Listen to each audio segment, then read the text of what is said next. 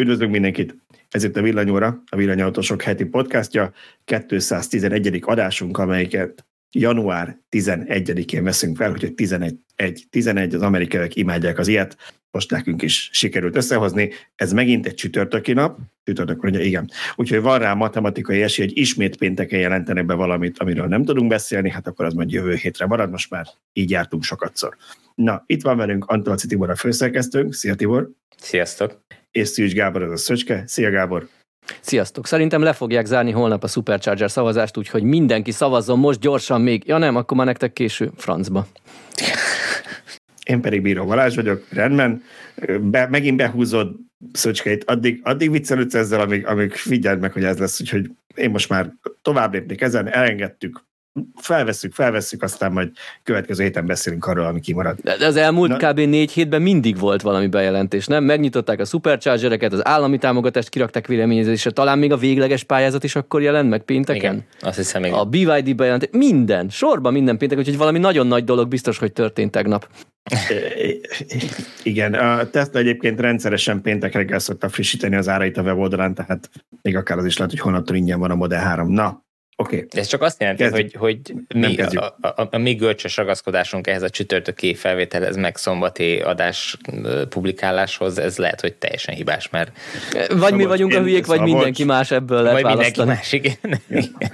Én megidéztem Szabolcsot, igen, megidéztem Szabolcsot, de Tibort akartam mondani, szóval, hogy én már elég régen jártam média tanórákra, nem most volt, de az ilyen az ez egy, egyes fejezet, egyes pontja, hogy péntek délután nem tartunk sajtótájékoztatót, meg nem adunk is sajtóközleményeket, ha csak nem el akarjuk temetni azt a rossz hírt, hogy hát ha hétfőre a tőzsde, meg a piac, meg mindenki elfelejti, úgyhogy ez szerintem legyen inkább azoknak a gondja, akik úgy döntenek, hogy péntek délután, meg a karácsony előtti utolsó munkanap péntek délutánján adnak ki sajtóközleményeket, úgyhogy nézzük inkább, hogy mi, mik a mai témák, jó, és akkor megnézzük, hogy, hogy mi minden érdekes dolga készültünk zöld rendszámok elveszik vagy nem veszik, erről Szöcske is elmondja, hogy mit hallottunk.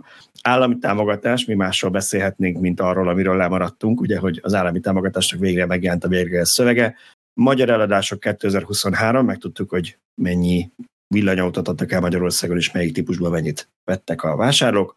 Lesz egy pár rövid hírünk, Volvo, BMW, Cupra, Mobility, ChatGPT, szóval de ezek tényleg csak ilyen egy mondatok, ismertek minket, egyikről sem fogunk 20 percért többet beszélni. Aztán uh, ID2, késik vagy nem késik, valaki valamit megtudott, a Volkswagen meg cáfolt, végre lesz verseny, már ha az árengedmények Magyarországon is eljutnak, és a végén a villanybusz Armageddonnal zárunk, csak hogy szokás szerint pozitív legyen az adás utolsó témája. Na hát, ez így mind persze nem fog beleférni, de kezdjük el, és akkor kiderül. Előtte még mondd el, kitől kaptunk szuperköszit. Igen, ez, ez lett volna a következő.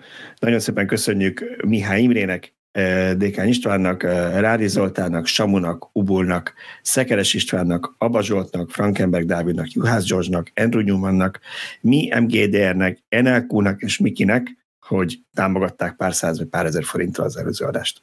Köszönjük szépen! Oké, okay, nulladik pont, és most tényleg nem fogunk róla beszélni, csak egy ilyen gyors emlékeztető, hogy még mindig nem zárták le a Supercharger szavazást, viszont egyre szorosabb a verseny, még a múlt hetinél is Paks már leesett a harmadik helyre, ami nem gond, mert öt ugye belefér, de már csak 110 szavazattal van a harmadik helyen, és Békés Csama simán kieshet még az ötödik helyről, mert 770 szavazattal van mögötte a következő román város, egyébként az nyolcadik ráadásul, és 770 szavazattal be is ugorhat a top 5-be, úgyhogy aki még nem szavazott, szavazzon, mert nagyon-nagyon szoros. Békés Csaba nagyon fontos lenne, mert az a régió nagyon-nagyon mostohán van kezelve minden szolgáltató által, úgyhogy Ez Békés Csabaiak, vagy odajárók, vagy úgy mindenki általában, aki villanyautózást tervez a következő évtizedben szavazzon a Tesla Superchargerekre. Igen, hát nem akar mindenki, mindenki... gyakorlatilag. A, aki, nem aki akar... új autót vesz, az, az a következő évtizedben nagy valószínűséggel már villanyautót fog venni.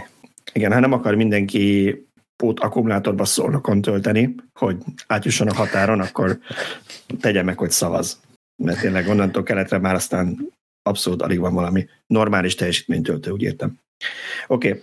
na akkor csapjunk bele az első témánk, ez az ismét elveszik-e a zöld rendszámot, és mielőtt Szöcskének átadom a szót, felolvasnék egy kommentet, amit az elmúlt adásra kaptunk, mielőtt ezt a cikket megírtad. Elfelejtettétek bedobni, hogy elveszik a zöld rendszámot a hibrid autóktól, smiley. A következő adásba tegyétek be, így mindenkit megelőztök.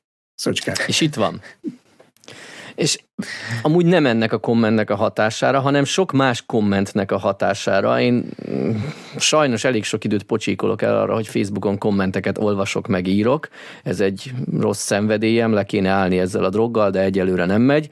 Na és ö, számtalan egymástól függetlenül helyen, bár lehet, hogy egy tőről fakad a plegyka, vagy híresztelés, olvastam azt, hogy bizony idén meglépik, és nyártól, vagy a második fél évtől elke- nem adnak ki több zöld rendszámot a plugin hibrideknek, és elkezdik a következő műszaki vizsgán leveszegetni. Hát ugye ez minden éven felröppen egy hasonló, de most ilyen konkrét dátum is elhangzott a plegykákban, sőt, az egyik, egyik Facebook csoportban azt olvastam, hogy az ilyen vizsgabázisoknak, hát most, hogy itt csak a hivatalos NKH vagy mindenkinek, mert nem indokolták, vagy nem részletezték, szóval, hogy a vizsgabázisoknak már kiküldték ezt a dokumentumot, ami ennek a részleteit taglalja. Ezt én hiszem is, nem is, mert úgy gondolom, hogy ha minden egyes sarki kis vizsgabázisnak kiküldték volna, akkor már biztos, hogy tele lenne vele a sajtó, mert olyan nincs, hogy az sehonnan ne szivárogjon ki. Esetleg azt bírom elképzelni, hogy a kommentelő itt a vizsgabázis alatt a megyénként egy hivatalos NKH bázist értette, és talán onnan nem szivárognak ki az infó, bár a fene tudja. A lényeg az, hogy én nem láttam szabad szemmel ilyen, vagy saját szememmel ilyen doksit, de annyi egymástól független embertől olvastam kommentet, és, és voltak közös pontok, tehát például a dátum, hogy, hogy elkezdtem elhinni, ezért írtam is egy e-mailt a illetékes minisztérium sajtó kapcsolati e-mail címére, amire egyelőre nem érkezett válasz. Amint érkezik, biztosan tudunk. Az is lehet, hogy ez fog pénteken megérkezni, hogy ebbe az adásban csak sötétben tapogatózzunk. Mi a véleményetek hát, erről? Sport... Vegyék, ne vegyék? egy sportot hát. űznek valamelyik minisztériumban ezzel, hogy, hogy nekünk ne jusson adásban időnk erről beszélni. Oké, okay, mondjátok. Továbbra is az a véleményem, hogy nyilván előbb-utóbb ez meg fog történni. Tehát, hogy ennek meg kell történnie azt el tudom képzelni, hogy idén valamit lépnek, de továbbra sem tartom szerencsésnek azt, hogyha ez egy ilyen hirtelen módon történik meg, hiszen az idénre berendelt vagy idénre eladni tervezett plugin hibrideket már berendelték az importőrök. Tehát már lekötötték gyártásba ezeket a mennyiségeket, hogyha az év közepén valaki azt mondja, hogy már pedig akkor holnaptól nem lehet zöld rendszámot föltenni, akkor gyakorlatilag anyagokon fognak maradni ezek a plugin hibridek, mert eladhatatlanok. És azt már láttuk a nyugat-európai statisztikákban is, hogy ezt Nyugat-Európába visszavinni már nem fogják tudni, tehát ott nem fogják tudni eladni ezeket az autókat, csak mélyen áron alul fog tudni gazdát találni, mert nyilván ezek nem rossz autók, tehát nem arról van szó, hogy ezek, ezek rosszak, csak már nem lesznek annyira, annyira vonzóak, hogyha az ingyenes parkolást megvonják tőlük. Tehát a felárat, amit most ki kell fizetni a hagyományos benzineshez képest ezekért az autókért, azt már senki nem fogja akarni kifizetni. Vagy legalábbis sokkal-sokkal kevesebben. Úgyhogy ez egy érdekes kérdés, tehát aki mindenképpen ilyet szeretne, akkor én azt mondom, hogy az első fél évben uh, vegye meg, mert akkor még nyilván az első négy évben, négy évre kapnak ugye rendszámot az autók, tehát az új autók négy még, évre, igen. Négy évig még, még uh, hogyha így is marad a dolog, akkor biztosított a zöld rendszáma. Uh, nem tudom, tehát hogy aki, aki pedig nem biztos ebbe, és esetleg az év második felébe vette, az kezdjen elnézelődni a, a tisztán elektromos autók között. Igen, én azért azt nem mondanám, hogy eladhatatlanok, ez talán a költői túlzások kategóriája volt. Értem, mire gondolsz, mert azt látjuk, hogy Nyugat-Európában folyamatosan az sem biztos, hogy azt mondanám, hogy esik. Az aránya esik a plugin hibrideknek, de azért láttuk pár márkát, ahol még mindig növekednek, csak mondjuk ilyen alacsony egyszámnyi növekedés van, míg az elektromosoké meg 50-60-70 százaléka nő a márka portfólión belül, de valóban egyre kevésbé vonzók, és hát nyilván azért, amiről már sokszor beszéltünk, hogy van a benzines, meg van a hibrid, van egy hatalmas ugrás, van a plugin hibrid, mert hogy árban, és akkor egy-két millió forint ráfizetéssel már tényleg 4-500 kilométeres hatótávú full elektromosat lehet venni a plugin hibrid helyett. Valószínűleg akkor sokan elgondolkodnak, hogy ha már annyira eljutott oda, hogy azt mondta, hogy megpróbálom, bekockáztatom, még ott van nekem ez a biztonsági háló, hogy van benne egy benzinmotor, és mire odajött, hogy vásárol, lehet azt mondja, hogy jó, de hát végül ha 4-500 kilométeres hatótávja van, akkor lehet, hogy jó nekem, jobb nekem az. Nem tudom, hogy a, az a pár száz vagy pár ezer forint az mennyit számít a parkolásban, az eseti parkolásban. Annak, aki rendszeresen mondjuk egy belvárosban parkolna, és nem tud bérletet venni, mert mondjuk nincs lehetőség, vagy bődületesen drága, és havi 20-30-40 ezer forintokat kell fizetni, egyik barátommal pont ezt számoltuk, hogy Budapesten dolgozik, és, és ingyen tud parkolni az elektromos autójával. Hát ha neki minden nap ki kéne fizetni a a parkolási díjat több száz forintot per óra a napi 8-9 órára még ment van, lehet, hogy, lehet, hogy munkahelyet váltana. Szóval a lényeg az, hogy lehet fontos tétel, hogy amiatt nem menne valaki autót, abban nem vagyok biztos, hogy már kinézett egy típus, de az importőrök biztos nem örülnek majd neki. Amit nagyon izgalmas kérdés, hogy a zöld rendszámot veszik el a plugin hibridektől, vagy minden gyakorlatilag ehhez kapcsolt, vagy fejben ehhez kapcsolt, de valójában fizikailag hozzá nem kapcsolódó előjogot, ugye az adómentességeket, átíretes illeték, uh-huh. kedvezményt, stb. Mert a zöld rendszámhoz fizikailag egyedül az ingyenes parkolás kapcsolódik, még körülbelül 10 városban, mert ilyen durván 15 város van szerintem jelenleg azon a listán, ahol van még kedvezmény, parkolási kedvezmény, de ezek között van három-négy város, ahol már csak a tisztán elektromos regisztráció után. Tehát körülbelül egy tucat város, csak ugye a legnagyobb város Budapest ebben benne van. Na most itt kicsit így úgy érzem, hogy reszeljük azt a, nem mondom ki mit adásban, mert Simán lehet, hogy most itt arról van szó, hogy 2-3-4 évig marad már csak a zöldrendszem a plugin hibrideken, de lehet, hogy ennél jóval rövidebb idő alatt az összes város köztük akár Budapest is megszünteti, hogy akár teljesen a zöldrendszámos ingyenességet, vagy csak a plugin hibrideknek járó zöldrendszámos ingyenességet. Tehát lehet, hogy küzdesz, megveszed első fél évben, tapsolsz, hogy megvan négy évig, aztán két év múlva meg semmi kedvezmény nem jár már majd hozzá. Benne van, amilyen gyorsan most változtak. Tehát két éven belül csökkent le 40-ről 11 néhányra ez a lista, szóval simán lehet, hogy a maradék város is úgy dönt, vagy a hátralévő Igen, ez, város is. Ez nagyon jó, hogy kiemelted, hogy itt tulajdonképpen két szintű szabályozásról van szó. Tehát nem elég az, hogy a, az autó megkapja az zöld rendszámot, az önmagában nem jelent semmit, ahhoz még hozzá kell rendelni a kedvezményeket, amiért van értelme a zöld rendszámnak. Tehát, hogy, hogyha, és, és ráadásul két különböző szintű jogalkotáson múlik az, hogy egyik vagy másik megvan-e. Tehát a, a teljesen más kör fog arról dönteni, hogy, hogy neked van ez zöld rendszámod, mint, hogy ahhoz az, mint, mint arról, hogy ahhoz a zöld rendszámhoz kapcsolódik-e ingyenes parkolás neked. Tehát, hogy ez, ezt, ezt jó, hogy mondtad, mert ez valóban így van. És hát két helyen is el tud bukni ez, a, ez az egész sztori. Úgyhogy hát nehéz, Igen, nehéz kérdés. Csak egy rövid anekdota egyébként, hogy kicsit elmondjak magamnak arról, hogy mennyire fontos az ingyenes parkolás, hogy mennyire nem, és teljesen az, hogy, hogy említetted Budapestet, mert valószínűleg ha Budapest kiesik ebből, az merőben új helyzet lesz sokaknak, nyilván pár vidéki város még marad, de nem biztos, hogy az tömegeknek lesz annyira vonzó. Tegnap voltam Budapesten, abban a lakásban, ahol korábban laktam, és az szerintem azt hiszem január 1-től, vagy lehet, nem is január 1 decemberben valamikor bevezették a fizetős parkolást a környéken, de úgy, hogy pont a mi utcánk még nem fizetős, és gyakorlatilag most, hogy voltam, elmenni alig tudtam az utcában, nem hogy megállni, mert mindkét oldalon egyébként szabálytalanul, de mindkét oldalon parkolnak, alig fér el egy autó köztük, úgyhogy már van, akik a járdára is felálltak még egy harmadik sornak gyakorlatilag az utcába, párhuzamosan a másik kettő sorral, és mindez azért, mert pár hete bevezették, hogy a szomszédos utcától már fizetni kell, ott meg még nem. Úgyhogy én arról, hogy mennyire számít az embereknek az ingyenes parkolás. A, a zóna határ az nagyon nagy szívás mindig ilyen szempontból.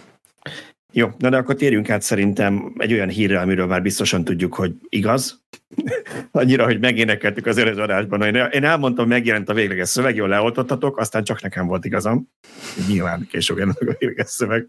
De szóval megjelent az állami támogatásnak a végleges szövege, aki esetleg egy szikla alatt töltötte az elmúlt napokat, arról van szó, hogy mintegy 30 milliárd forintnyi EU-s pénzt fognak kiosztani a következő, azt hiszem, egy másfél évben arra, hogy elektromos autókat tudjanak venni vállalkozások. Ez nagyságrendileg 9000 autóra lehet elég, több millió forintról beszélünk, és eddig véleményezésen voltak a szabályok, meg találgattunk, de most elméletben megjelent a végleges szöveg, pályázni pedig februártól nem, meg, meg nem mondom pontosan, hogy február 5-től akkor legyen ez a dátum, megszavaztuk. Szóval február elejétől benne van a pályázati kiírásban, február elejétől lehet, tehát aki szeretne pályázni, annak érdemes már most elolvasni azt a sok anyagot, amit erről készítettünk, meg készítünk még, illetve felkészülni arra, hogy minden papírt kell begyűjtenie.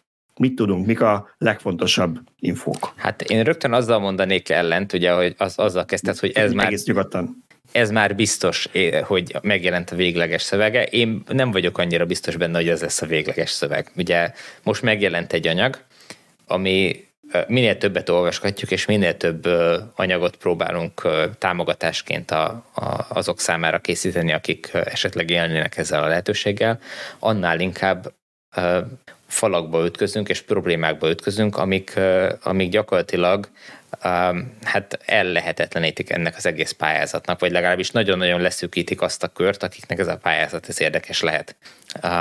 És emiatt én úgy gondolom, hogy lesz ebben még a változás ebben a kiírásban a következő néhány hétben.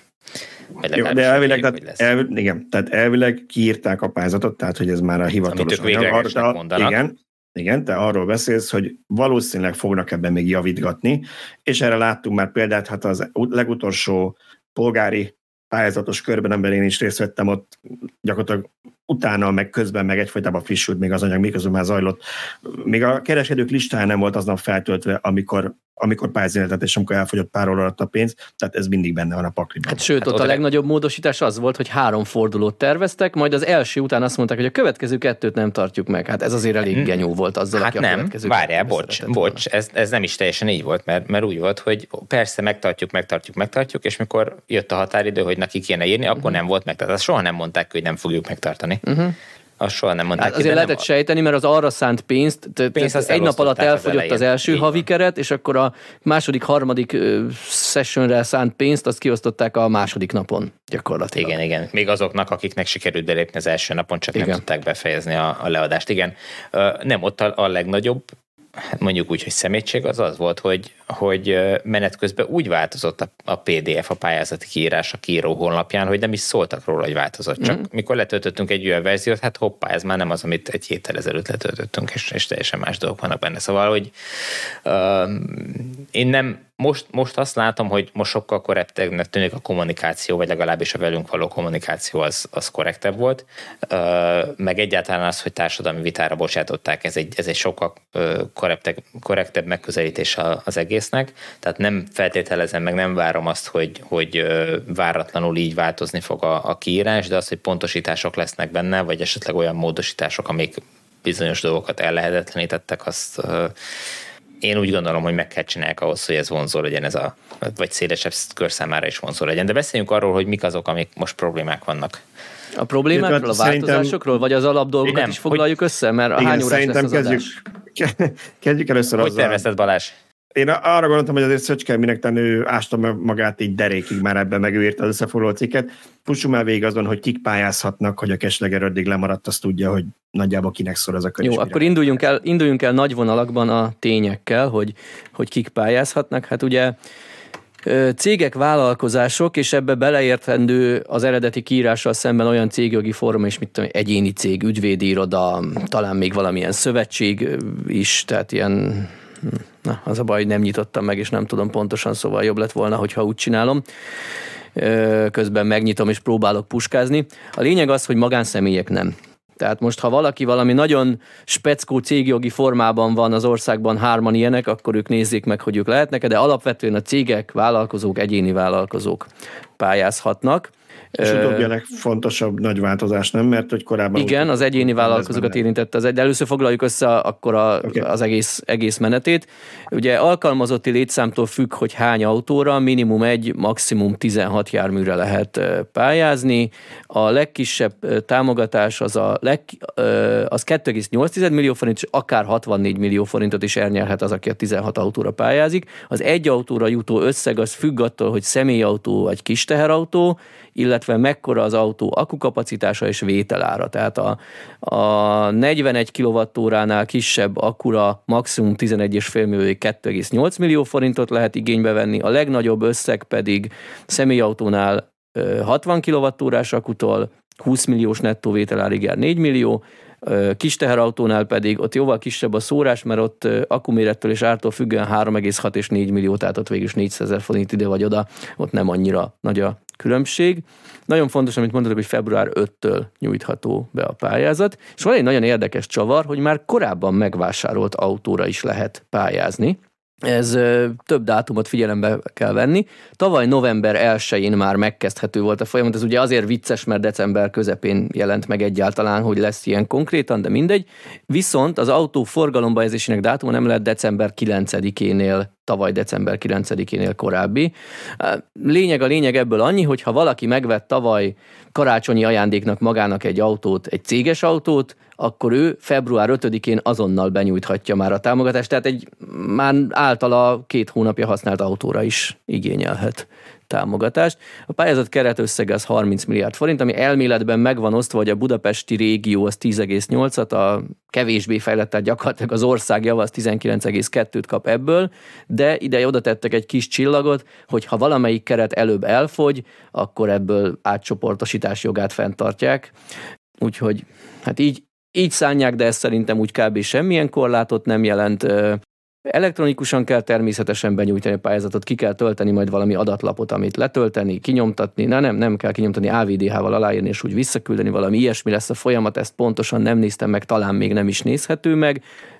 Nagyon fontos, hogy használt jármű, hibrid, hidrogénüzemű, az semmi nem játszik, csak az akus tisztán elektromos autókra lehet pályázni.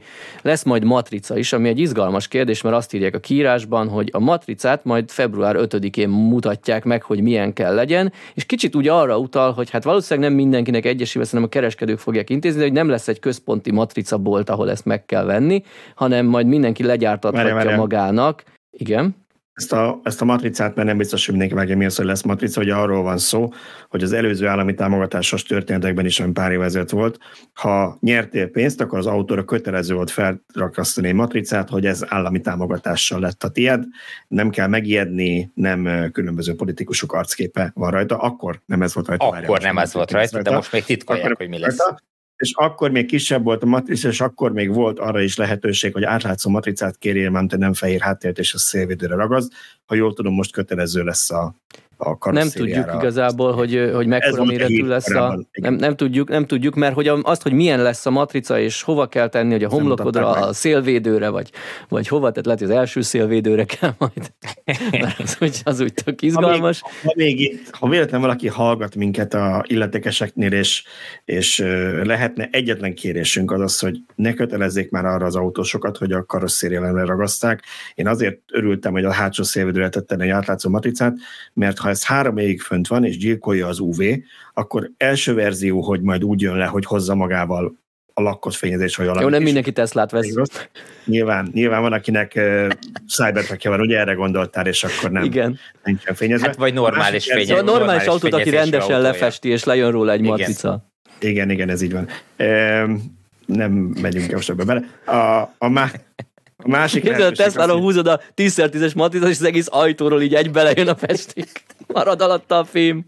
Jó, hát nem, mindenki, nem mindenkinek van ilyen szarautója, de a lényeg az, hogy, hogy ugye a másik lehetőség viszont az, ami mindenképpen szemben előfordul, hogy azért minden autónak az új az valamennyire koptatja a fényezését, ha három évig neked valamit takarja, akkor ott lesz egy ilyen kicsit sötétebb sötétebb, nem tudom én, kocka alatt, amilyen, amilyen volt a matrica. Szóval én semmiképpen nem tartom ö, szerencsésnek, hogy autónak a fényezésére kötelezzük, hogy ragasszák fel a matricát, hogy legyen már szélvédő, hátsó szélvédő. Hát meg, meg arról nem is beszélve, hogy ha a minden, minden jó, tehát szuper a fényezés, UV álló a fényezés, nem matul, nem történik semmi, de mondjuk a matricádnak az anyaga, amit kapsz, a kereskedőtől, az nem az igazi erre, és az az UV-től össze-vissza előrekszik, és utána nem lehet lekapalni sehogy se.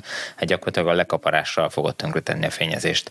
Én egyébként lehet, hogy tennék egy ilyen átlátszó fóliát arra a karosszériemre, ahova ragasztanám alá, az ugye senkinek nem fáj. Vadi új autó, uh-huh. elviszem, lefóliáztatom, ha csak egy elemről van szó átlátszóval, az szerintem nem is egy horror összeg, ha én nem akarom uh-huh. a autót telibe fóliáztatni, és akkor arra teszem a matricát, nem nem hinném, hogy ez bárkinek fájna, és akkor legalább a fóliával együtt jön le, amit szakember le tud biztosítani. Jó, csak ez megint egy extra költség, tehát ez, ez benne fog, benne lesz. Igen, meg, meg azért akkor 9000 autót el kell bele. Hát de nem fog beleférni meg a matricát is. Ez, ja, hogy, ja, hogy abban mit kapsz, abban a pénzet férjen hát, igen, ja, hát. vagy, vagy, akár, vagy akár megengedhetnék, hogy a hátsó szélvédőre tegyük, mint korábban, és akkor ez minden probléma. Ez is lehet. Csak úgy zárójában uh, megjegyzem. Okay. Ilyet is lehet. Térjünk vissza. Na, na, jó, na jó, a, leg, a legfontosabb kérdésnél rögtön igen. leragadtunk egy negyed órára. Igen. Szóval ami még fontos, ugye, hogy a kötelező arculati elem matricán kívül az autót a projekt befejezését követő három éven belül de legkésőbb 2021. december 31-ig nem lehet eladni, bérbeadni, vagy más használatába adni, nem forgalomból kivonni. Hát ugye nyilván, hogyha összetöröd az autót, akkor kivonod, tehát valószínűleg ez inkább arról szól, hogy nem, nem lehet ezeket megtenni, ha ezt megteszed, vissza kellene fizetni a pályázatot, ezt csak én feltételezem, mert hát most azt Biztos nekem nem mondhatják, hogy nem vonhatom ki a forgalomból, ha mondjuk totálkára tört az az autó egy szerencsétlen baleset következtében, de a lényeg az, hogy, hogy mm, nem, nem szabad, tehát akkor buktad a támogatást. Itt ugye a 2021. dec 31-es dátum, ez egy kicsit izgalmas, mert amennyiben nem merül ki a keret, 2026 márciusig lehet pályázni. Na most, ha valaki a vége felé pályáz, ő nem kell, hogy három évig megtartsa az autót, mert hamarabb eljön a három évnél, ez a 2027. december 31. Az Elmob által feltett kérdésekben volt valami ezzel kapcsolatos, és arra, arra jött egy válasz, hogy ez mindenképp benne fog maradni, mert nem tudom pontosan a mögöttes magyarázatot, mert láttam ugyanazt a cikket, de, de igen, tehát valahogy gondolom, a, ugye az EU-ban ilyen ciklikusan adják a pályázatokat, és igen. akkor lehet, hogy ez valami olyan lejárati határidő, ami miatt ezen nem lehet túlmenni. Úgyhogy végül is ez jó hír annak, aki, aki a vége felé pályáz. Na, hát, de ugye cserébe ő futja azt a kockázatot, hogy addig marad-e a keretből, vagy sem. És ami nagyon fontos, hogy utófinanszírozásos a pályázat, azaz be kell nyújtani egy záró elszámolást a projekt fizikai befejezését követően. Itt a projekt fizikai befejezése az én olvasatomban az, hogy a támogatott cég nevére kerül az autó. Tehát tulajdonába kerül az Igen. autó, kiállítják a forgalmi engedélyt, és akkor ő beküldi ezt gondolom megfelelő formátumban a lefotózott forgalmit, vagy valami ilyesmit, hogy enyém lett az autó, itt parkol, fel van matricázva, és akkor azt mondják, hogy oké, okay, lezártad, és ezt követően folyósítják a pénzt. Na és ugye nem csak az elmob, nem csak mi mondtuk, hanem kb. minden második észrevételben benne volt, hogy leasingből miért nem lehet autót venni, és akkor itt van az, hogy adtak is, meg nem is, ugyanis a véglegesnek tűnő, vagy most véglegesnek mondott szövegben szerepel az, hogy leasingből is finanszírozható az autó, de a projekt megkezdése és lezárása között 20 hónapos határidőd van, sőt, ott is szigorú ez a 2026-os dátum, tehát legkésőbb akkor.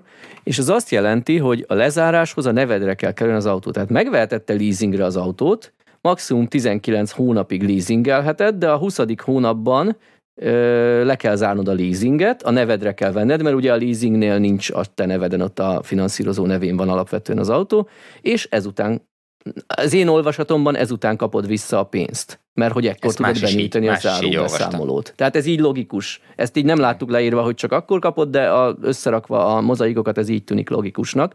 És hát ezzel az a, hogy ez nem túl életszerű. Tehát ha valaki megvesz egy 15-20 millió forintos autót, ő valószínűleg azért szeretne leasinget igénybe venni, mert nem szeretné egy összegbe kifizetni. Na most ez a, ez a 20 hónap, ez a gyakorlatban nem feltétlenül 20 hónap, mert ugye megrendelem az autót, az megérkezik mondjuk 6 hónap múlva, azt forgalomba helyezik, bla bla bla, elmegy vele még egy hónap, és akkor még a végén a leasing lezárását lehet, hogy megint nem akarom napra kicentizni, mert azért ott is ilyen, ilyen-olyan papírokat kell tologatni, intézni, tehát egy, egy-két hónapot ott is rá kéne. Annyit a végén ott vagyok, hogy egy éves leasinget vehetek szinte igénybe, és akkor még ez egy optimista forgatókönyv is volt, hogy megérkezett hat hónap alatt az autóm, mert lehet, hogy egy év alatt érkezik meg. Tehát fél éves, meg és egy éves leasingekről beszélünk. Miről is beszélünk? Igen, és akkor arról nem is beszélve, hogy ahhoz, hogy te a, a leasinget tud intézni, ahhoz neked pontosan tudnod kellene, hogy mikor fog megérkezni az autó, amit te megvettél, tehát, vagy amit megrendeltél, hiszen már a pályázatkor aláírt leasing szerződéssel kell rendelkezni. Uh-huh. Tehát gyakorlatilag tehát, hogy a gyakorlatban készletes autót tudnál leasingre megvenni, mert azt tudod, hogy már itt van, és holnap után akár átvehető. Lényegében igen. Ennek meg egy kicsit odavágott az, ezt a végleges pályázatban így nem láttam külön kiemelve, ugye csak új autót lehet vásárolni. Viszont bizonyos szabályok szerint új autónak minősül, ami 6 hónapnál fiatalabb és 6000 kilométernél kevesebbet futott. A korábbi pályázatokban ez ki volt emelve, én ezt most nem látom részletezve, bár hivatkozik egy nem tudom, külső forrásra. Igen, ez a... ilyen általános EU-s előírás még az autók külföldi importjánál is. Ez mondja, az EU-n, EU-n belül ez egy faramúci helyzetet utána néztem, amikor volt még arról még az autó megvásárlás volt arra készletésem esetleg külföldről vegyek autót, és már akkor utána néztem, hogy mik erre az EU szabályokat, most mire kell neked áfát, meg vámat, meg mindent fizetni, és más magánszemélytől veszed, más, ha te magánszemély, más a cég, tehát szövevényes, de ott is ez szerepel, tehát ez nem van magyar speciáltás, ez a, azt én is úgy hogy 6 hónap vagy 6000 kilométer, úgyhogy gyanítom, hogy ha ebben nem is veszik bele, erre van valami általános szabály, ami, ami azt definiálja, hogy mi számít új autónak. Igen ám, de van egy olyan megkötés is, hogy az első forgalomba helyezése csak mikor történhet, ugye december 9-ét uh-huh. követően. Na most innentől, ha mondjuk ugye megvennél egy márkakereskedés által tesztautónak használt autót, amiben van 5300 km és csak 4 hónapos, na de annak az első forgalomba helyezése már korábbi lesz, mint a határidő, tehát a tesztautók azok, azok gyakorlatilag így kiesnek, esetleg, ki, hogyha annyi, ilyen pérenszámmal most, használtak tesztautót. Hogyha most ö, kerül be, mint tesztautó, te mondjuk lehet, hogy áprilisban megveheted. Csak annyi, Ez hogy igaz. nem, a kereskedés nem, nem, nem, nem vehet, tehát mondjuk a, a, a, a teherautóról nem jöhetett le tavaly novemberben. Igen. Uh-huh. Igen. Még egy dolog itt, amit akartam mondani, és nem feltétlenül azért, mert a kiírás szeretném védeni, csak abban nem vagyok biztos, hogy ez a leasinges móka, meg ez a kavarás körül, vagy pontosabban az utófinanszírozás része, ez teljesen az ő saruk. Ugyanis egy-két éve volt, hogy vidéki ismerőseim vettek traktort, EU-s, szintén EU-s támogatási program volt akkor erre, és a környéken sokan cseréltek akkor haszongépeket tök jó, mert a régi szar gyufagyár füstölésű helyett vettek valami új modellt, de a lényeg az, hogy ott is ez volt, hogy utófinanszírozási volt, és tudom, hogy az akkor komoly problémát okozott ott embereknek, én nem tudtam mennyi traktor, de ez ilyen több tízmilliós összeg is lehet, és, és hogy neked előre ki kellett fizetni, majd megkaptad utólag az EU-s pénzt. Na most, ha valakinek volt előre annyi pénz, hogy megvegye, akkor nem biztos, hogy ő az, aki pályázni akar, vagy nekinek pályázatot, pályázatot kell támogatni. Akit meg támogatni szeretnék, annak nincsen hirtelen, nem tudom én, 20 millió forintja, hogy megvegye a traktort, aztán majd valamikor megkapja. Úgyhogy csomó ilyen áthidaló hiteleket kerestek bankokban, majd még azért volt szívás, mert utána volt, hogy az EU-s pénzeket leállították, és ők már átvették a traktort, ugye volt, azt mondták, hogy három-négy hónapig mert fizetik rá a hitelt, aztán kiderült, hogy hát nem, mert hogy a pénz mikor jön meg, azt senki nem tudja, addig fizessék csak szépen a hitelt rá. Szóval nem biztos, hogy ez az utófinanszírozás történet, ez konkrétan a magyar pályázatnak a sara. Lehet, el tudom képzelni, ez valami általános EU szabály az ilyen jellegű támogatásoknál. Nem szerencsés. Ha valaki ezt, ha valaki de... ezt tudja, akkor írja meg kommentbe, hogy ez pontosan ez ennek, tehát EU-s előírás, vagy pedig csak itt, itt Magyarországon bénázunk már megint, de a, amire még visszatérnék itt a, a finanszírozással kapcsolatban, hogyha belegondolunk, hogy ilyen 12-18 hónapos leasingekről beszélünk, akkor ahhoz, hogy ez, ez egy kezelhető összeg legyen havonta. Ugye miért, miért vesz az ember leasingre? Azért, mert nem akar egybe kiadni akkora, vagy annyi pénzt, vagy nem akarja, hogy az autóban álljon a pénze, hanem meg akarja finanszíroztatni, és inkább fizet a, a pénzért de hát itt arról beszélünk, hogy ugye ahhoz, hogy ez kezelhető valami legyen, ahhoz vagy óriási induló összeget kell az elején belerakni, vagy pedig havonta több millió forintos lesz. A, tehát most 12 hónapos leasing esetén, hogyha van egy 20 milliós autód, akkor, akkor 1 millió forint fölött van a, a, a havonta fizetendő összeg. Azért azt szerintem nagyon kevés vállalkozás fogja tudni pláne abból a körből, akikre itt most gondoltunk nagyon sokszor, egyéni vállalkozó, aki a, a, a füstölő kis terautóját szeretné lecserélni valami értelmesebb eszközre. Tehát, hogy ez, ez neki nagyon nem fog beleférni ezzel a, ezzel a megoldással szerintem. Nyilván, hogyha hallgatók, hogyha máshogy látjátok, akkor írjátok meg, de azért ez megint necces. De a, a legérdekesebb talán, amiről még így nem beszéltünk, az a nyílt végű leasing. Ugye az eredeti társadalmi vitára bocsátott verzióban konkrétan kiemelték a zárt végű leasinget, és nyílt végű leasingről nem volt szó, ezért az Elmob is, meg mások is rákérdeztek. Talán ez volt a, ez egyik legtöbbet föltett kérdés, hogy nyílt végű leasing akkor lesz-e, vagy az miért van kizárva. És végül is a kiírás az úgy született meg a most véglegesnek gondolt kiírás, ami már nem nevesíti, hogy nyílt vagy zárt végű, csak leasingről beszél, emiatt értelemszerűen lehet az a leasing nyílt végű is. Csak nincs értelme. A, a, gond, a gond csak az, hogy nincs értelme, hiszen a nyílt végű és a zárt végű leasing között ugye az a lényeges különbség, hogy nyílt végű leasing esetén amit egyébként csak cégeknek érdemes igényelni, vagy lehet, hogy csak ők kapják. A, megvannak a szabályok erre, de az áfa egy részét vissza lehet igényelni de ennek az a feltétele, hogy a szerződés pillanatában, amikor a leasing szerződés megkötik, akkor a, a leasingbe vevő ne tudja még, hogy a, a futam idő végén, vagy az ügylet végén ő szeretné-e megvásárolni az autót, vagy sem, hiszen a nyílt végű leasing lényege, hogy a futamidő végén dönthet arról, hogy megvásárolja, más jelöl ki, vagy visszaadja a, a járművet a, a leasing elő cégnek Viszont itt, mivel a pályázat miatt kikötés, hogy meg kell vegye a leasing ügylet végén az autót, itt már a leasing ügylet legelején pontosan tudható, hogy ő tulajdonos lesz a végén. Tehát nem lehet azt mondani, hogy nem tudta, hiszen tudta, mert pályázott a, a, leasing szerződéssel. Ergo itt már nem fogja tudni visszaigényelni az áfát, tehát a nyílt végű leasingnek a, a legnagyobb előnye az így elveszik, és tulajdonképpen azonossá válik a zárt végű leasing konstrukciónak a feltételeivel. Hát mondjuk Tehát... itt konkrétan egy cégnek abból kell választani, hogyha ő most autót vesz, elektromos autót, hogy nyílt leasingre veszi, és áfát számol el, vagy a pályázattal veszi, és támogatást kap. Ez a két összeg úgy nagyjából pariba van, nyilván ez konkrét autótól, cégtől, céges használat arányától függ, de úgy nagyságrendjét nézve néhány millió forintról van szó mindkét esetben.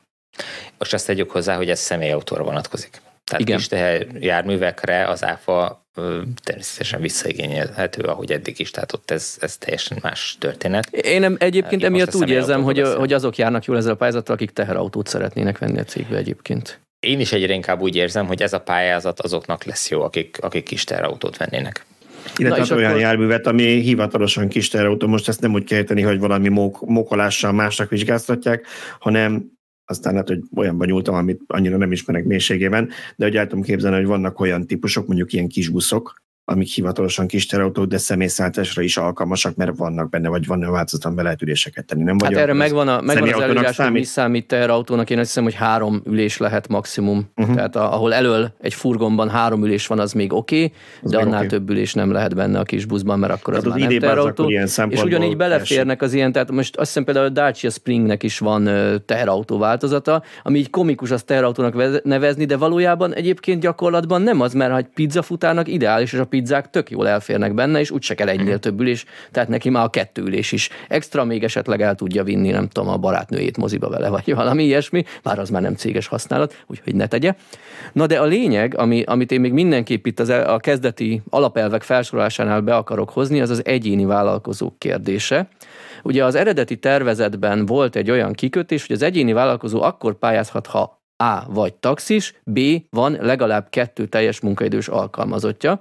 Ezen hördültek fel rengetegen, hogy de miért, és ez, ezzel én abszolút azonosulni tudtam, és egyet tudtam érteni, bár nem vagyok személyesen érintett, de rengeteg olyan vállalkozó van a vízvezetékszerelőtől a klímásig, aki egy egyszemélyes vállalkozás, mit tudom én, megy ki dugulást elhárítani, és tele van csomaggal, tehát rengeteg mm, alkatrészt, vagy szerszámot, eszközt, anyagot cipel magával, és neki tökéletes egy ilyen kis puttonyos kis teherautó. Ráadásul az elektromos is tökéletes lenne, mert ő olyan távokat tesz meg a városban, jellemzően a telephelye néhány 10-20, max. 100 kilométeres körzetében dolgozik, naponta egy-két-három címre száll ki, tehát tökéletes neki egy villanyautó. Na és pont őket zárták ki ezzel a legalább két alkalmazottal. És hogy mennyire az utolsó pillanatokig dolgoztak ezen, azt nagyon jól példázza, hogy január másodikán felkerült egy olyan, ö, tehát gyakorlatilag egy PDF a weboldalukra, ahol minden feltett kérdésre nyilvánosan választ adtak. És ugye nagyon sokan rákérdeztek erre, hogy miért van ez a két alkalmazott, amire nem volt indoklás, hogy miért van, egyszerűen egy rövid elutasítást adtak, szó szerint a javaslat szakpolitikailag nem támogatott. Tehát, hogy marad ez a két fős. Innentől hatalmas meglepetés volt, hogy két nappal később, a január 4-én feltett ö, végső verzióból eltűnt ez a két fő alkalmazott. És ez is olyan, mint a leasing, hogy egyik kezükkel adtak, a másikkal elvettek. E, igazából korábban is benne volt egy olyan szabály e, a tervezetben, hogy az a teljes projekt értéke, tehát gyakorlatilag az autó vagy autók ára e, nem lehet több, mint a cég utolsó lezárt üzleti évének bevétele. Ezt többen az egyéni vállalkozókra nem mm, terjesztették ki, vagy olvasták, de a véglegesbe külön kiemelték, hogy az egyéni vállalkozó bevételére is vonatkozik ez az előírás. Na most ugye miről van itt szó magyarra fordítva? Ha én most vennék egy 20 milliós autót, de tavaly az egyéni vállalkozásom csak 12 millió forintot keresett, mert mondjuk az az áfa határ, vagy mert egyszerűen havi egy milliónál nem kerestem többet, ami azért nem egy olyan rossz pénz, akkor nem vehetek csak maximum 12 milliós autót. Hiába van az én cégemben, egyéni vállalkozásomban korábbi évekről félretett megtakarítás, amiből én most vehetnék lazán 20 milliós autót, nem, csak 12 milliós, vagy ha valaki 12 milliós, csak 8-at keresett, akkor ő csak 8 milliós nettó 8 milliós autót vásárolhat meg, és hát sokan azt mondták, hogy hát náluk itt bukik a matek, mert mondjuk egy ilyen dobozos kis autó az mondjuk 15 millió forint, amit ő megvenne, és hát ezt nem adja ki a tavalyi bevétel. Igen, én... Itt tartunk most. Én nem, igen, én nem, megmondom őszintén, a hátamon feláll a ször az ilyen pályázatoktól, annak ellenére én is részt vettem ilyenben, meg ugye alapvetően az összes ilyen adógyi történetben, mert úgy érzem, hogy mindegyik olyan szinten túl van szabályozva, hogy aztán ezt meg valahogy meg kell fejteni, és minél hosszabb a szabályozás, meg a kivételek listája, annál komplikáltabb, annál több benne a hiba. Ezeket végtelenként le kéne egyszerűsíteni, de tudom, naív vagyok, mert ez... Romániának ha, ha, igen, tehát ha az volt a cél, hogy, hogy támogassuk az, a szar ilyen roncstelpi szökeményeknek a cseréjét, és legyenek már végre tisztábbak a városokban. Tegyük föl például ezek a kis terautok, a vállalkozók járnak mondjuk a vízvetékszerelő, hogy mondjuk egy példát, akkor ez sokkal, sokkal egyszerűbbé kellett volna tenni. Szerintem nonsens, hogy nem tudom, három jogi diploma kell ahhoz, hogy a hibákat megtalált benne, nem az, hogy megérts, mert inkább a hibákat találjuk meg benne. Na jó. Szóval nagyon izgalmas a téma, és nagyon sokat lehet még róla beszélni, de szerintem más témáink is vannak a mai adásra. fogunk, Úgyhogy fogunk még erről beszélni szerintem. Gyanítom, hogy nem utoljára beszélünk róla. Ugye annyit még el akartam mondani, hogy a héten is elég sok anyagunk készült, ezzel kapcsolatban benne vannak a linkek a podcast leírásában, de még készülnek rá anyagok, például lesz egy, ami, ha jól emlékszem, a leasing történetet magyarázza részletesebben, azon Szabolcs dolgozik, és talán az már, mindez adás kin is van, oké? Okay? Akkor az is benne lesz akkor az a mai napon ment ki, amikor ezt fölvesszük, tehát az is benne lesz a link, de lesznek még a témában valószínűleg cikkeink, úgyhogy keressétek az oldalon. Oké. Okay. Ha már így Magyarországról beszéltünk, akkor maradjunk kicsit még így hazai vizeken. A vezes.hu megszerezte azt a listát, nekem mindig annyira tetszik, hogy van ez a Data House nevű cég, és ilyen random minden hónapban, negyedében valamelyik autós lap így megkap tőlük információborzsákat, mi még nem kaptunk soha, de ami késik nem múlik. Tegnap, tegnap de hogy este írtam nekik. Szerintem felesleges. Én ugye azt már meséltem, hogy benne vagyok abban a körben, akik gyűjtük össze a Tesla adatokat Európából, ez még ilyen bőven milliótosok.hu ott indult 10 éve segítkezem a havi összegyűjtésben, és azért tudom, hogy Európa legtöbb országában három-öt napon belül a hónap zárása után elérhető a teljes lista ingyen mindenkinek a megfelelő statisztikai oldalak weboldalán, hiszen 13 vagy 11 országból szoktuk gyűjteni. Van, ahol modellre vagy típusra lebontva, van, ahol csak márkára lebontva, van, ahol már Ausztriában például most már havonta háromszor frissül automatikusan, és van, ahol real-time-ba valós időben lehet hozzáférni minden nap, vagy napközbeni frissítésekkel. Nálunk, amióta az eszemet tudom, egyetlen egy cégnek van valamiért hozzáférése, aki utána ezt árulja, én ettől agyvézést kapok, de hogy a lényegnél maradjunk, tehát a vezes.hu kapta most meg a listát, és Szöcske, te írtál róla, hogy 2023-ban mik voltak a legnépszerűbb elektromos autók Magyarországon, meg márkák. Az top első pergés. top 15-öt, igen, a top 15-öt azt behozom gyorsan itt, hogy legyen valami a képen, de nem megyünk minden részletesen végig, már sikerül megtalálom a gombot. Szóval úgy néz ki, hogy a lista az Tesla, BMW, Volkswagen, Kia, Mercedes az első öt, a többit azt meg lehet találni a hiszem 20-as a lista talán, vagy még hosszabb meg lehet találni a weboldalunkon. Ebben talán nem is ez volt a legmeglepőbb, bár jó lenne, hogyha most már olcsóbb márkák is följebb lennének, és az mutatná, hogy lejjebb mentek az árak, mert azért inkább prémium árazású autók vannak a lista első felében, de itt a változások is elég jelentősek voltak, a Tesla-nál 120 volt a változás, a BMW-nél 75, Volkswagen-nél 66, a Kia Mercedes visszaesett, de mondjuk a hatodik Volvo meg 187 ot nőtt, oké, okay, ha 75 az alap, akkor nem nehéz. Nagyon szép három számjegyű növekedést mutatni, hogyha ha arra fölmegyünk 215-re, de azért látszik, hogy ö, erősödtek az eladások. Hát gyakorlatilag Így van, amit én kiemelnék, most, hogy a... most kezdte a, a villanyautó forgalmazását, eddig plug-in hibridbe utaztak, és plug-in hibridbe voltak nagyon-nagyon erősek, és most ezt konvertálják, úgy, úgy tűnik elektromos autókra. Vélhetően részben a, a korábbi plug-in hibrides ügyfeleik által, részben pedig nyilván új ügyfelek megszerzésével. Amit én kiemelnék, hogy a Tesla 1300 darab feletti eladása az a magyar piac 22% az új autóknál. Tehát azért az Mármint az elektromosak. Nem elektromosak. Igen, természetesen. Hát mi, mi, más van? Még egyéb is? Én azt már nem is jegyzem. A pár még akad, igen. Van itt nekünk egyébként egy modellistánk, és annak is csak az első, vagy típuslistánk az első öt helyzetét felolvasom. Tesla Model Y, Tesla Model 3, Kia Niro, BMW iX3 és Volkswagen ID3 volt a top 5 eladott elektromos autó. Esetleg, ha van, van köztünk iX3 tulaj, rajta Igen, kívül, az meséljen. akkor kíváncsi lennék, hogy miért vette ezt a, ezt a típust bármi más helyet. ezt, Mert olvasta ezt, a villanyautósok.hu a cikkeidet, hogy ez mennyire frankó autó. Igen, például, nyomásról elő lehet temperálni az akut, ezt nem sokat Ugyan miért vetted? Tudja. Ugyan miért vetted? Miért, miért vagy, Tibor, akkor ezt fejtsd ki kicsit, miért vagy Ezért, ez, kíváncsi, hogy valaki jó, most pont ezt? Hogyha ha itt rá akarjuk vezetni a, az olvasókat, hogy ezt kell mondani, akkor vezessük nem, rá, nem, hogy nem. ezt kell mondani. Nem, nem, nem erre vagyok kíváncsi, tényleg, tehát hogyha ha van olyan, aki azért vette, mert olvasta nálunk, akkor az tök jó. Ha van, aki azért vette, mert mit tudom én, ö, ugyan nem olvasta nálunk a cikket, de ez volt a legjobb árértékű autó, akkor tök jó. Ha van, aki azért vette, mert ő nem tudom, 15 éve BMW X3-ast vezet, és most vágyott egy elektromos autóra, az is tök jó, csak kíváncsi vagyok, hogy, hogy ki miért vette.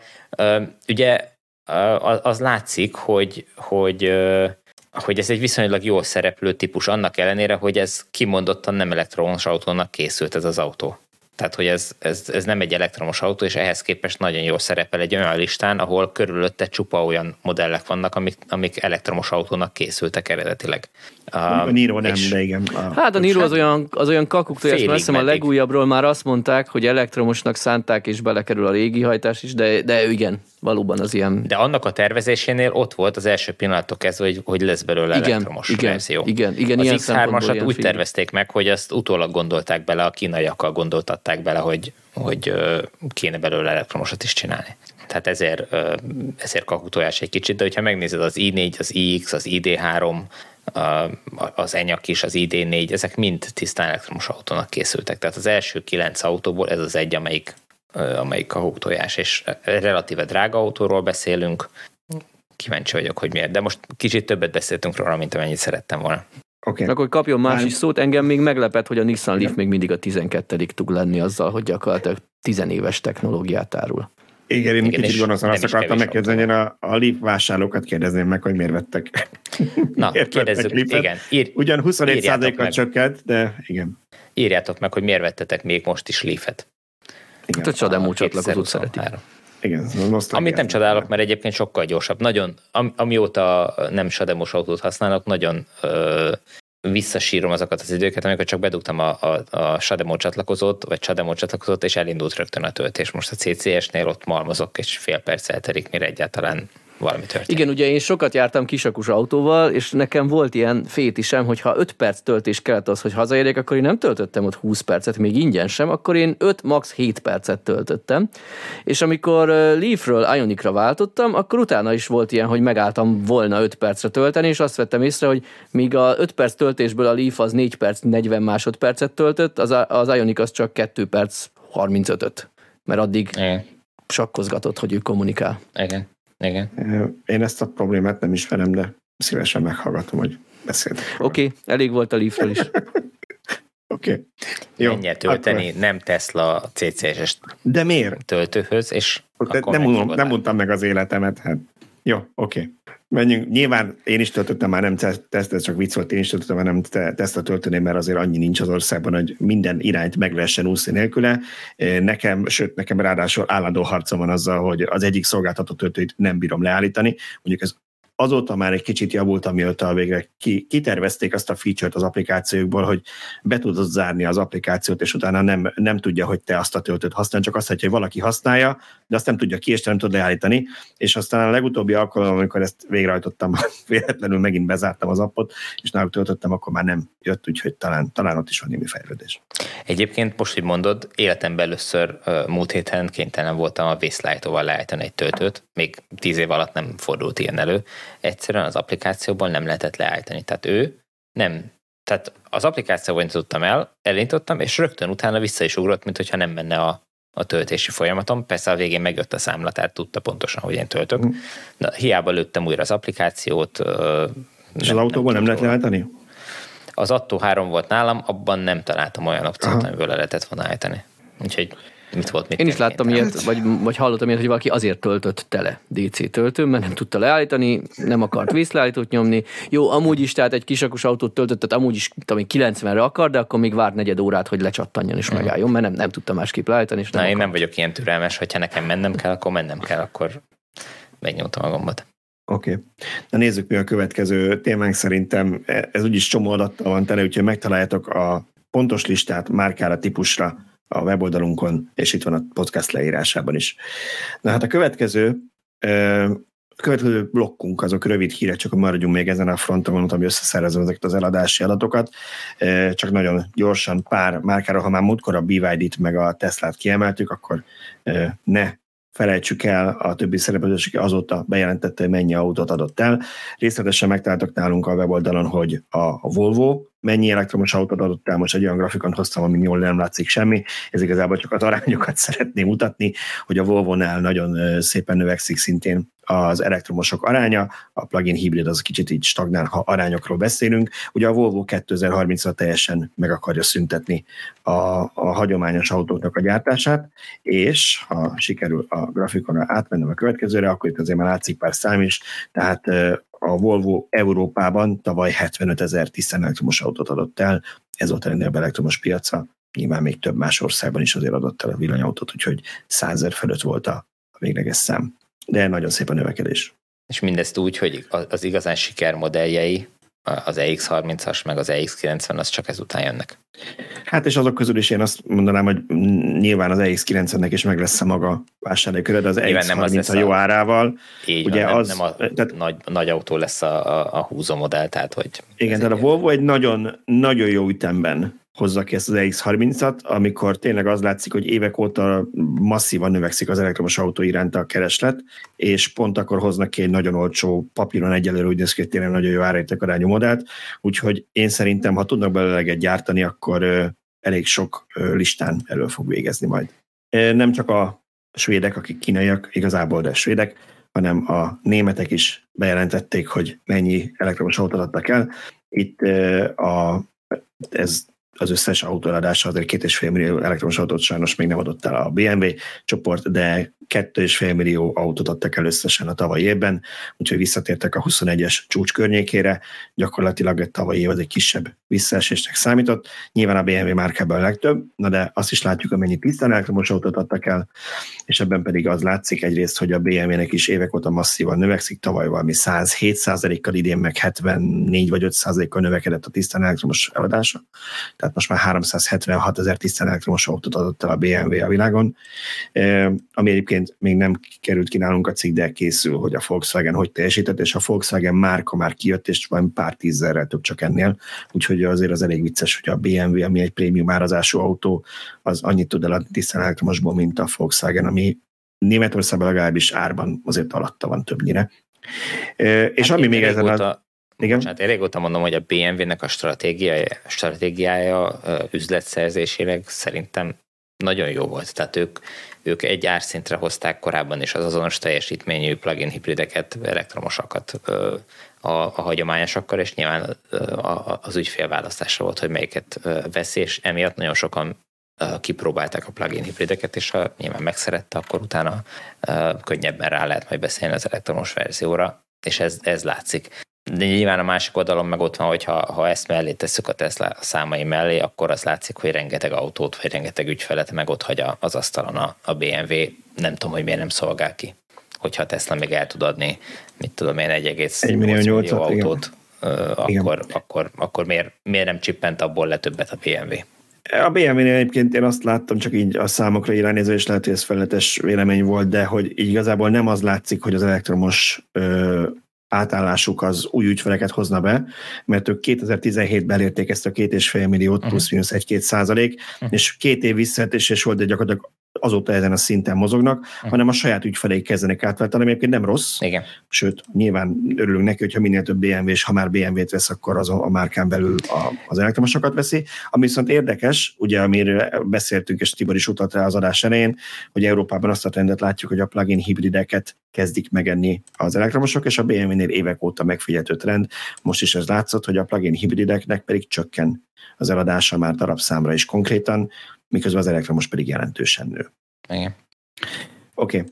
na akkor következő rövid hírünk, megkezdődött a Cupra Tavascan gyártása, ez igazából csak egy szolgálti közlemény azoknak, akik erre az autóra várnak, hogy most már elvileg a gyártósorok özörögnek, hogy milyen ütemmel azt nem tudom, mert a Volkswagen csoportnál az, elmúlt hónapokban inkább arról hallottunk, hogy le kellett álltani bizonyos elektromos modellek gyártását időszakosan. Volt, ahol azt mondták, hogy valami alkatrész nem volt, volt, ahol más lehetett a háttérben, úgyhogy nem tudjuk, hogy milyen darabszám készül a Tavascanból, de akinek túl unalmas egy ID-nak a külső dizájnja, az gyakorlatilag ugyanazt a technikát megkapja, sokkal izgalmasabb kül- külső alatt a kuprában. Úgyhogy Azt mondjuk el, hogy ezt Kínába gyártják, nem, nem Európában ami számomra teljesen értetetlen, hogyha az egyik oldalon azt mondják, hogy a, a kereslet visszaesés miatt műszakokat állítanak le az európai gyárakban, akkor egy új modell, ami gyakorlatilag ugyanolyan alapokra épül, mint az európai gyárakban készülő egyéb típusok, akkor miért kell Kínába vinni, és miért kell onnan idehajózni egy autót, ami se költségileg, se környezetvédelmileg nem tűnik egy ideális esetnek. Hát költségileg azt ők tudják, hogy mennyivel olcsóbb onnan az autó, hogyha ide hozzák, vámot fizetnek rá minden, és még mindig megéri ahelyett, hogy így gyártanák. Valami oka valószínűleg volt. Én arra gyanít, azt gyanítom, hogy nem elég rugalmas egy ekkora behemoth, azért egy Volkswagen az, az egy hatalmas nagy tartályhajó, ami megy a tengeren, az nem három perc alatt fordul meg.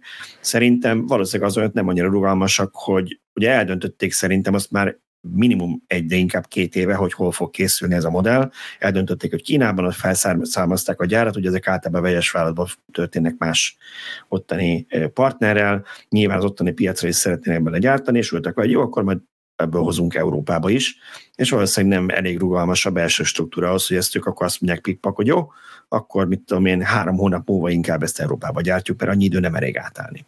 Hát az oké, okay, csak bizt... ugye akkor rárakódik a szállítási költség, amit hallunk a kínai mm, Európában forgalmazott kínai villanyautók ról, hogy azért eléggé megemeli az árat. Mindenki várta, hogy majd itt is lesznek olcsó autók, hogy jönnek a kínaiak, de sajnos az, hogy ide kell hajózni, és a akku miatt több cég egyre drágában szállítja, vagy drágább a biztosítás, az, az nagyon megdobja az árakat.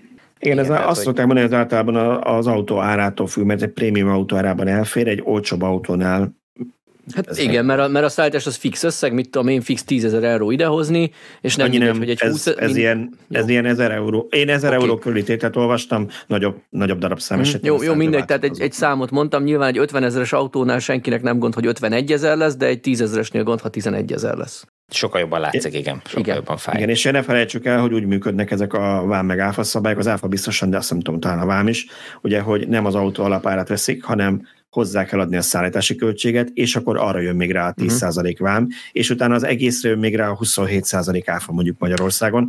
Tehát ez a szállítási költség, ez jóval több ilyen szempontból, mint ami a valós költsége.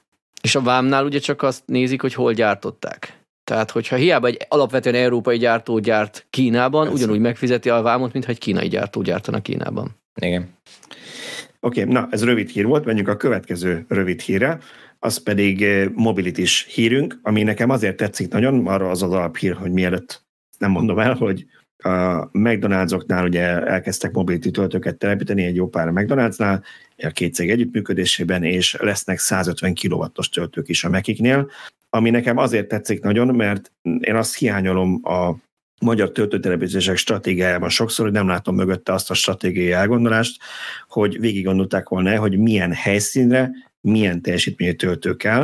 Oké, okay, autópálya mellé logikus, hogy minél nagyobb, de úgy egyébként meg, ha én egy ét, hagyományos étteremben megyek, és másfél vagy két órát vagyok ott, vagy 20 percre beugrom Mekibe, a kettő között ne, van egy nagy különbség, és nem ugyanolyan teljesítmény töltő kell. Szerintem az 50-es töltő egy Mekinél kevés, mert ott nem egy órát vagy bent. Szerintem ideális, hogy egy 150-es töltőt egy gyors étterem mellé teszünk. Így van. Ezzel csak egyetérteni I- tudok. I- igen, igen, bár a Meki egyre kevésbé gyors étterem, néha akkora sor alakul ki, hogy csak na. Jó, hát nyilván ez, ez már egy, egy hát, probléma. Nagy, nem bírja kiszolgálni az igényeket. Ugye igen. talán Tibor egyszer veled voltunk, hogy Ajanitin töltöttünk a M7-es autópályán, ahol van egy McDonald's nem. mellette, uh-huh. és, és egyszerűen már az autó tele volt, de, de még a kajánkat azt csak akkor kaptuk meg, vagy valami ilyesmi volt, hogy kapkodva kellett enni, hogy induljunk már. Igen, ez, ez abszolút előfordul, ezt, ezt csak megerősíteni, hogy pont az előbb az jutott eszembe, amíg Balázs mondta a felvezető szöveget, hogy akkor lesz majd esetleg egy olyan opció, hogy, hogy lobogtatom, amikor bemegyek, hogy 150-es töltön töltök, igyekezzenek a kajámmal. Igen. Hogy ne foglalja főleg, az oszlopot. Főleg, hogyha bünti is van esetleg, hogyha már bizonyos százalék fölött, vagy nem. Igen. Oké. Okay. Volt Viszont ami jó egy, benne, hogy, hogy 50-es, 50-es és 150-es is kerül. Én úgy értelmeztem ezt a hírt, tehát hogy nem vagy, hanem, a, hanem 50-es mindenhová kerül, de ahol 150-es lesz, ott lesz mellette 50-es. Ez egyrészt jó lesz a Nissanosoknak, meg gondolom az 50-esen még lesz demo, bár nem ígérek semmit a e, szerződött felek nevében, de talán még lesz. Másrészt ugye ott lesz az az opció, hogy tudod, hogy te mennyi időt akarsz ott eltölteni, meg mekkora akus az autód, és eldöntheted, hogy melyikre teszed rá. Igen, főleg, hogy ha jól emlékszem, Mobility-nél, na most hát, hogy hülyeséget fogok mondani, látszik, hogy milyen töltöttem náluk, de vagy a Molnál, vagy a Mobility-nél van különbség az árazásban a teljesítmény szerint. Ezt a Mobility-nél biztosan van. A Molnál külön van véve, de nem emlékszem, hogy Magyarországon van-e. Van olyan ország, ahol külön uh-huh. árat fizetsz, tehát a nagy teljesítményű töltésért többet fizetsz. Tehát eldönted, hogy hát te úgyis ráérsz, mert úgyis bőven van idő, mert tudod, hogy egy gyerekkel sokáig fogtok ott nyugodni, akkor felesleges neked a, de többet fizetni és a gyorsabb töltőt foglalni. Egyébként pont amikor nyaralni mentünk, ha már a gyereket mondod, nekünk volt olyan, hogy szabályaimmal ellentétben engedtem, hogy a fagyit már a kocsiba egyék meg, mert már 97%-on volt a Tesla, holott 80 elég lett volna, és még 97-nél kértük ki a fagyit, mert hogy addig elment a tötymörgés a egyéb kajákkal. Szóval uh, annyit, ugye e, ez a hír ez arról szólt, hogy a, a, a McDonald's és a Mobility megállapodás kötött, hogy egy csomó helyszínen fognak töltőket telepíteni. Uh, annyit szerintem elplegykálhatunk, még, még olyan plusz infót sikerült megszerezni, hogy egy csomó helyen, tucatnyi helyszínen már elő van készítve az áram ott van, a, mindenki van építve, csak a töltőt rá kell emelni, tehát hogyha ha megérkeznek a töltők, mi meglepő, ott is azért szállítási gondok vannak most, hogy mindenféle a világon keresik ezeket a töltőket. A lényeg az, hogy, hogy amint megjönnek a töltők, csak ráemelik és be lehet őket kapcsolni. Tehát ezek, hogyha ha minden jó megy, akkor pillanatok alatt meg fognak valósulni ezek a töltési pontok, érdemes figyelni és keresni őket. Oké, és na és akkor az utolsó rövid hírünk, az pedig a Volkswagen házaterről érkezett, és biztos ebben egyre nagyon sokat tudnánk beszélni, azért tettem szándékos rövid hírnek, mert szerintem most még nem tudunk róla elég sokat, az, hogy nagyon sokat beszélünk róla, majd ha ez tényleg elérhető lesz, akkor tudja, hogy ki fogjuk próbálni. Szóval a Volkswagen azt jelentette be, hogy Chat GPT kerül az autóiba, ami talán a ChatGPT-ről már mindenki hallott, mert uh, eléggé tele volt vele nemrég az internet, az egy ilyen digitális asszisztens, egy mesterséges intelligencia, aminek úgy lehet kérdéseket feltenni az interneten, hogy nem csak mint a Google-ba, hogy beírod, hogy keresel valamit, hanem értelmező a kontextust, és például, hogyha te valamiről kérdeztél, utána még plusz kérdést fölteszel, akkor tudja, hogy annak kapcsán kérdezted, vagy hogy mire gondolhattál. Én ezt szoktam használni munka során is, oda kell figyelni, mert néha hülyeségeket írt be, de egyébként megdöbbentő, mennyire emberszerűen lehet vele így kommunikálni, mennyire érti, hogy mire, mire gondolsz, meg mi volt az előző kérdéshez kapcsolatban, akkor te most miért kérdezed ezt. És ez akkor kerül így, bele... így, így pörögtél föl, így, hogy most már 12 cikked van minden nap? ChatGPT írja őket abban titet a ChatGPT írja meg valahol Hawaiion, csak egy green screen van mögöttem, mert egyébként Hawaiion valahol a tekilámat szürcsölöm.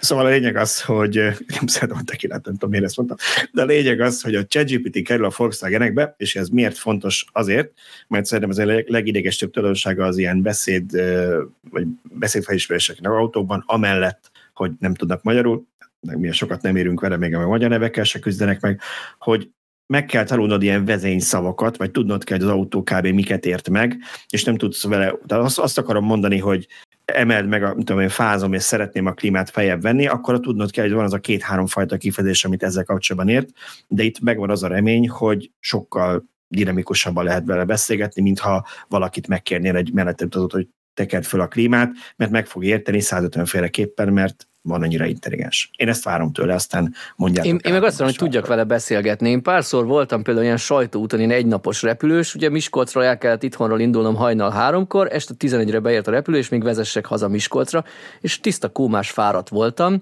és örültem volna egy beszélgető partnernek a kocsiba, hogy el ne aludjak. Ugye hát vagy önvezetés legyen, vagy beszélgető partner, és akkor vagy alhatok, vagy nem alszok. És ha ez értelmes, és értelmes kérdéseket fel tudok tenni, és nekem beolvas olyan válaszokat, ami engem engem érdekel, az, az tök hasznos. A ChatGPT-nek a mobiltelefonos applikációját próbáltad már? Nem. Nem? Tudja? Piszok jó. Én múltkor, múltkor próbáltam, autóban ültünk többen, és meg akartam mutatni, hogy ez hogy működik. Én sem próbáltam még, úgyhogy úgy, úgy vágtam fel, hogy fogalmam se volt, hogy mi lesz a végeredmény, és mivel külföldi is volt a kocsiba velünk, angolul be, kezdtem el beszélgetni a ChatGPT-vel, és a hang fölismerés alapján az én erősen magyar akcentusú angolomat tökéletesen hibátlanul fölismerte, nagyon jó szövegeket gyártott válaszként, tehát hogy simán beszélgettünk, és, és kreált nekem rögtön egy, arra kértem, hogy csinálj egy, egy előadást egy valami témából, és, és olyan pöpec előadást rittyentett, és mondta, hogy akkor mivel egészítsük még, és mondtam még hozzá dolgokat, és csak lestem, hogy, hogy idegen helyneveket, más ország helyneveit kapásból fölismert, tudta, hogy hol van, tudta, hogy mit kell róla megkeresni, tehát hogy döbbenetes, hogy, hogy, hogy mennyire jól működik. Aztán utána kipróbáltam magyarul is ugyanezt ugyanebbe a témába, ott már voltak vele gondok. A, a szöveg felismerése az, az 95%-ban jó volt akkor is, de de az érződik, ami ezeknek a, a large language modelleknek a, a, a hátulütője, hogy nagy valószínűséggel tréningezéshez sokkal-sokkal kevesebb, ebben a témában, amiben kerestem, sokkal kevesebb szövege volt, amiből ő tudott építkezni. Tehát ugye ez a nagy nyelvi modelleknek az a lényege, hogy ő, ő statisztikailag nézi, hogy ha, ha a beszélgetésben az elmúlt 1500 szó az ez volt, ilyen sorrendben egymás után, akkor utána a következő szó az nagy valószínűséggel minek kéne lennie, és így rakja össze a gondolatokat, tehát hogy nincs, nincs intelligencia mögött igazából statisztikákat néz nagyon egyszerűen. Most nyilván végletekig leegyszerűsítettem a, a, a, a lényegét, de de nagyjából így működik, és hogyha ha tréningezéshez ő nem látott elég sok ilyen szöveget abban a témában, akkor sokkal bénában fog fogalmazni, és sokkal kevesebb információt tud ö, nekünk visszaadni, mint mondjuk angolul, ahol, ahol ez, ez működik. Tehát nem arról van szó, hogy ő angolul megalkotja a szöveget, utána lefordítja magyarra, hanem, hanem akkor a magyarul elérhető információkból próbál ö, válaszolni. De így is piszok jó volt. Tehát a, amit, már... amit... Igen? Azt már megmerjem kérdezni tőle, hogy van-e töltő a rekettyés pihenőhelyen, vagy ez a szó ki fog rajta magyarul? Nem, ez biztos, hogy működni fog. Tényleg? És ezt, Tök jó. Ezt, ezt én adás után meg fogom próbálni, hogy, a, hogy az a kérdés, tudja, mert... Igen? Az a kérdés, hogy milyen adatbázishoz fér, fér hozzá, mert az, amikor munka közben használom, párszor észreveszem, hogy én megtalálok olyan adatot, amit ő nem, mert ő nem tudja, hogy azt ott lehetne keresni, szóval nem biztos, hogy ő Ugye mondjuk a plák szétnéz, igen, a ChatGPT-nek két, két verziója van, vagy két nagy verziója van. A 3.5-ös az, ami ingyenesen elérhető, és hogyha 20 dollárért előfizetsz, akkor a 4.0-ás verziót tudod használni. A 3.5-ös az, az nincs fönt a neten, az 2021 vagy 22, nem is tudom melyik év januárja zárás, tehát addig információkat ért el, azokkal letették meg, azokból tanul. A, a 4.0-ásnak viszont beadhatsz akár egy most megjelent, fél órán megjelent villanyautósok.hu cikket is, hogy azt foglalja össze, azt meg fogja csinálni, hiszen eléri az internetet.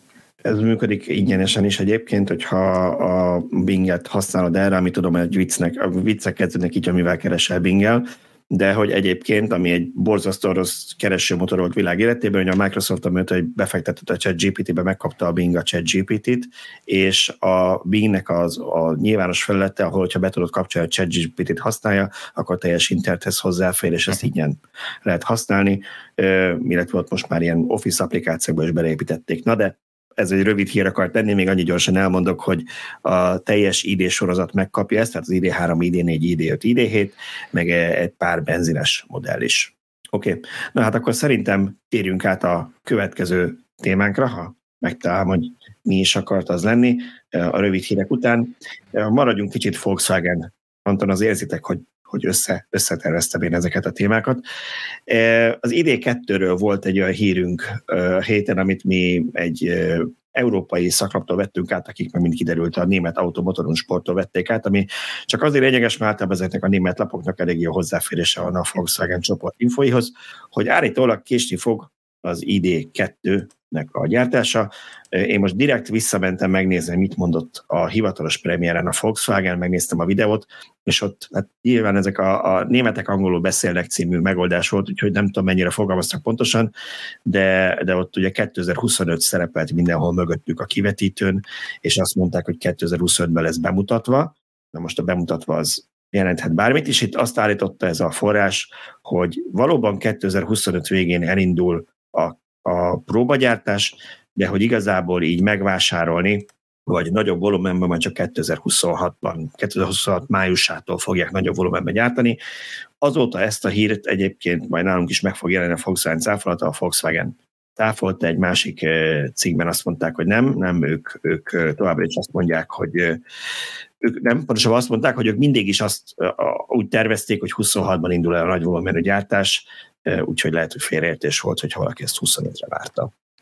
Hát ügyesen, ügyesen fogalmaznak általában ezekben a, ezeken a sajtótájékoztatókon, meg sajtóanyagokban, hogyha még hogyha utólag vissza is nézed, mindig, mindig lehet találni egy kis kaput, hogy ja, hát mi arra gondoltunk igazából, vagy nagyon sokszor. Én szerintem ilyen általános, általános érvényű minden autógyártóra nem, hogy, hogy amikor azt halljátok valahol egy sajtótájékoztatón, hogy ekkor, ekkor lesz bemutatva a modell, főleg ha csak évek, évet hallotok, ha csak évet hallottok, értek a gyanúpára, hogy azok az utolsó negyed évre. December 31, igen. Hát vala, de hát minimum, hogy ilyen szeptember után, és nem, nem, nem március 1, mert akkor mondták volna. A másik az, hogyha azt mondják, hogy akkor jön az autó, akkor még csak elkezdik a gyártást, és tényleg márkától függetlenül azt láttuk, hogy nagyon nagy múltú gyártónak is beletelik ilyen 6-12 hónapba, úgy igazán felpörgetni tényleg évi 10 száz, több tízezeres vagy száz, több százezeres ütemre a gyártást, úgyhogy én nem vártam soha, megmondom őszintén, hogy 25-ben itt félmillió ID2-t fognak legyártani, 26-ra vártam én is azt, hogy nagyobb volumenbe gyártják, ez max egy kis reality check volt azoknak, akik mást vártak. Hát akkor meg minden rendben. Igen. Volt egyébként ennek egy másik vetület ennek a hírnek, és ezért volt számomra inkább érdekes, hogy a, az informátorok azt mondták, hogy ez egyenes fejleménye az Euró 7-es mizériának. Ha még emlékeztek rá, vagy ha hallgatóink emlékeznek rá, ugye az Euró 7-es norma az eredetileg azt tervezte többek között, hogy nem igazán nagyon szigorítana az Euró 6-hoz képest ugye a határértékekben, de két apró különbség, és most ez ironikus helyettem, hogy apró különbség lesz. Egyik az, hogy ez már nem csak a benzinesekre, hanem dízelekre, meg a tehergépjárművekre is vonatkozna, ugyanaz, ami eddig a benzines szemléletekre vonatkozott, ugyanazok a határértékek, amit ugye a dízelek nehezebben fognak tudni teljesíteni, vagy nem. Tehát igazából nem azt mondták, hogy szigorítunk csak, hogy mostantól mindenkinek ezt kell teljesíteni. A másik meg az, hogy bevezették volna a szigorúan laborban, meg ilyen próbapodon lévő mérések helyett, vagy azok mellett a valós méréseket is ezeknek a értékeknek a tesztelése során, tehát lett volna olyan, amit láttunk már egy-két ilyen tesztelő szervezettől, hogy egy, az utcán közlekedő autónak a kipufogott csövére rákötnek egy ilyen ö, szerkezetet, és mérik, hogy mi a kibocsátás valós körülmények között. Na ez ettől rémültek meg annyira az autógyártók, hogy addig lobbiztak az EU-nál, amíg ezek kikerültek a tervezetből, és annyi maradt igazából az Euró 7-ben, hogy mostantól a fékport meg a gumikopást is mérni kell. És Tehát pont a villanyautókat szivatták meg, mert az ott is van. A fék az nem annyira, bár ez a legtöbb cikkben benne szokott lenni, na, mert a villanyautók és a, hát pont ugye féket alig használnak, a gumikopás az meg valóban lehet, mert ugye nehezebbek, de azért hozzátenném, hogy nem törvényszerű, hogy villanyautó nehezebb legyen, mint az a vele azonos nem villany ma már, úgyhogy ez nem biztos, hogy mindenkit egyformán érint. Mindegy, a lényeg az, hogy azt mondta ez az értesülés, hogy minek után az Euró 7 sikerült kicsit fogatlan oroszlára tenni az autógyártóknak, ezután már nem annyira sürgős nekik hogy ezek az olcsóbb autók kifejlesztése, és nem, nem törlik ezeket a projekteket, csak nem olyan eszeveszett tempóval fogják csinálni, mert nyilván olcsóbb, hogyha nem kell összetörni magukat. Én itt csak az Enro héthez tennék egy kis rövid kommentet, hogy itt azért durva számokról van szó, hogy mi a különbség a labor meg a gyakorlat között. Én egy-két cikket olvastam, meg talán írtam is ebben a témában, és pont az ilyen tesztek, amikor közúton mértek, akkor ilyen nem másfélszeres, hanem akár százszoros határérték túlépéseket mértek. És ez egyszerűen azért van, mert a, az alapszabvány az azt írja elő, hogy ideális viszonyok között, tehát például amikor szobahőmérséklet van kint is, bent is, mindenhol, meg már a motor is üzemmeleg, akkor kell teljesíteni. Csak ezzel az a gond, hogy a valós életben van tél, meg van nyár, meg van hideg motor, a motornak van hideg üzeme. És pont, amit ugye azt mondják, hogy az emberek jelentős része ilyen napi 30 kilométernél nem autózik többet, na most ha tél van, ma például mínusz 10 volt itt nálunk reggel, akkor 30 km alatt nem fogja elérni egy modern dízel az üzemmeleg állapotot. Tehát gyakorlatilag a napi ingázás alatt végig sokszorosát, akár százszorosát bocsátja ki, mint a hivatalos mérési adat. Igen, igen. Ez, ez tényleg, tényleg óriási probléma. Ettől függetlenül én úgy gondolom, hogy ez, ez ennek az egésznek nincs jelentősége, mert hogyha ebből a könnyítésből az autógyártók azt vonják le, hogy akkor jó, nem kell most már törjék magukat, hogy elektromos autót gyártsanak, akkor majd azt az elektromos autó iránti igényt majd ki fogja szolgálni más gyártó, amelyik meggyárt elektromos autót, és nincs probléma. Ezek az autógyártók, amelyek nem akarják törni magukat, majd akkor nem fognak részt venni 10-15 év múlva az autópiacban olyan mértékben, mint ahogy most jelen vannak nem fognak eltűnni, vagy, vagy legalábbis többségük nem fog eltűnni. Lehet, hogy felvásárolják őket, lehet, hogy máshogy, máshova lesznek átcsoportosítva a márkáik, máshogy fognak megjelenni, de hogy nem lesz akkor a szerepük a piacon, az teljesen biztos. És ha már, ha már Volkswagen, szintén a Volkswagen házatáról érkezett az a hír, hogy csökkentették az áraikat Németországban, illetve egyébként azóta már pár más európai piacon is. Itt azért abban az elektromos modellek árára gondolok, és elég jelentős A listárak csökkentek egyébként, bocsánat? Nem a listárak csökkentek, ez érdekesen megadva, hanem van egy, egy külön kedvezmény, amit adnak pluszban, tehát van egy listár, és hmm. akkor két jogcímen a német piacon ők adnak prémiumot, meg bónuszt, mindegy. A lényeg az, hogy ez ilyen 4800 és 7000 euró, 7800, 4800 és 7800 euró között van, tehát több millió forint hátszámolod modelltől függően. És akkor idén három múlva, például 7000 euró a kedvezmény. 10 év múlva ez úgy fog kinézni, hogy a, a nem tudom, a, a, az ID3 akkori verzió az 87 ezer euró a listaáron, de adnak hozzá 48 ezer euró kedvezményt? Ezt a marketingesekre bízzuk ezt a, ennek a kérdésnek a megválaszolását. De ez most elméletben január 31-ig szól ez a kedvezmény, de valószínűleg tartom, hogy fog ez, nem, január 31 a hülyeséget mondtam, szóval időszakos, az mindenképpen most pontos dátumot inkább nem mondok, mert valószínűleg butaságot mondanék. A lényeg az, hogy ez Németországban azért lépték meg eleinte, mert ugye a német állami támogatás hirtelen megszűnt, de ha emlékeztek rá, az idénre már csak 4500 euró lett volna. Tehát ezek a kedvezmények több ezer euróval a fölött vannak, mint amit a, az állami támogatás adott volna. Hallottunk hasonlót egyébként, azt hiszem Franciaországból, meg talán Belgiumból is, lehet, hogy rossz országot mondtam, két európai országról olvastam, számunkra annyira nem volt releváns, külön cikk is róla, annyi, annyi történt, hogy ott is változtak az, az elektromos autós támogatásnak a határértékei, és a Volkswagen úgy módosított pár árat, hogy beférjen a, a határértékek alá, ami teljesen természetes, és messze menő következés senki nem mondjon le a keresletre ebből, mert ezt minden autógyár így csinálja, ha van egy ilyen limit, akkor megpróbálnak beférjen át. Emlékeztek rá, amikor megvettem én az autómat, Európa második legolcsóbb Model 3 volt, mert be, be akartak férni a 15 millió forint alá, mindenhol máshol bőven 2-3 millióval fölötte volt az ára.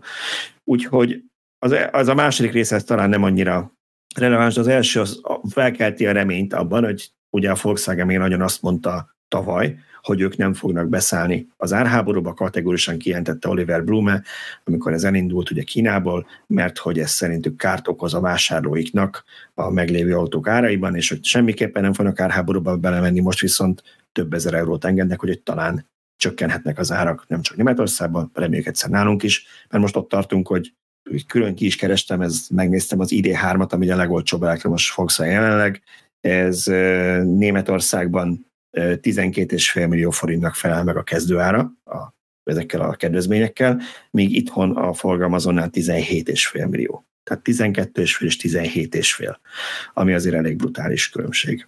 Ebben az az izgalmas, hogy ki fogja itthon megvenni, nem pedig használt importban gondolkodni. Legalábbis magánszemély. Hát nyilván céges vásárló ezt kevésbé teheti meg egy nagy Hát de, de miért ez nem lehet Németországban megvenni ezt, ezt az autót? Tehát, hogy te egy Magyarország Azt nem tudom. Veheted meg Németországban? Hát attól Igen, ez nekem is ez a kedvezmény. Igen, de ezt akartam mondani, hogy apró betűt nem olvastam el, hogy, hogy járja, hogyha nem német lakcímed van, vagy valamihez kötik-e, amihez hivatalosan jogilag megoldották, hogy köthetik-e.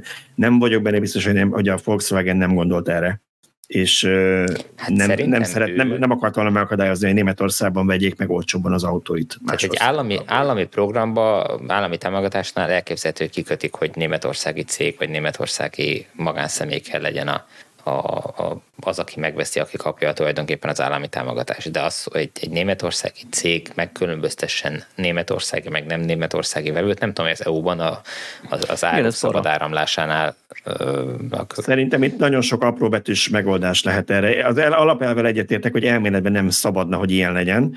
Erről ugye beszéltünk, meg hát, hogyha nem szabadna ilyen legyen, akkor az állam miért kötheti ki egyébként tehát az államok is ugyanúgy be kéne tartani az EU-s szabályokat, és nem mondhatná, hogy azért, mert én az állam vagyok, én megtehetem.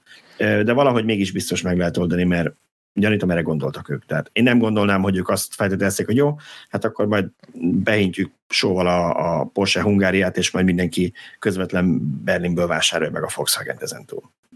Mert azért ez jelentős különbség, tehát ennyire érdemes, 5 millió forintért érdemes hát figyelj, és hazahozni a, a, a, dolog, a dolog létezik, mert ugye a, a magyar gépjármű export, vagy ex, nem exportőrök, gépjármű importőrök Egyesülete. Ugye, Egyesülete, igen.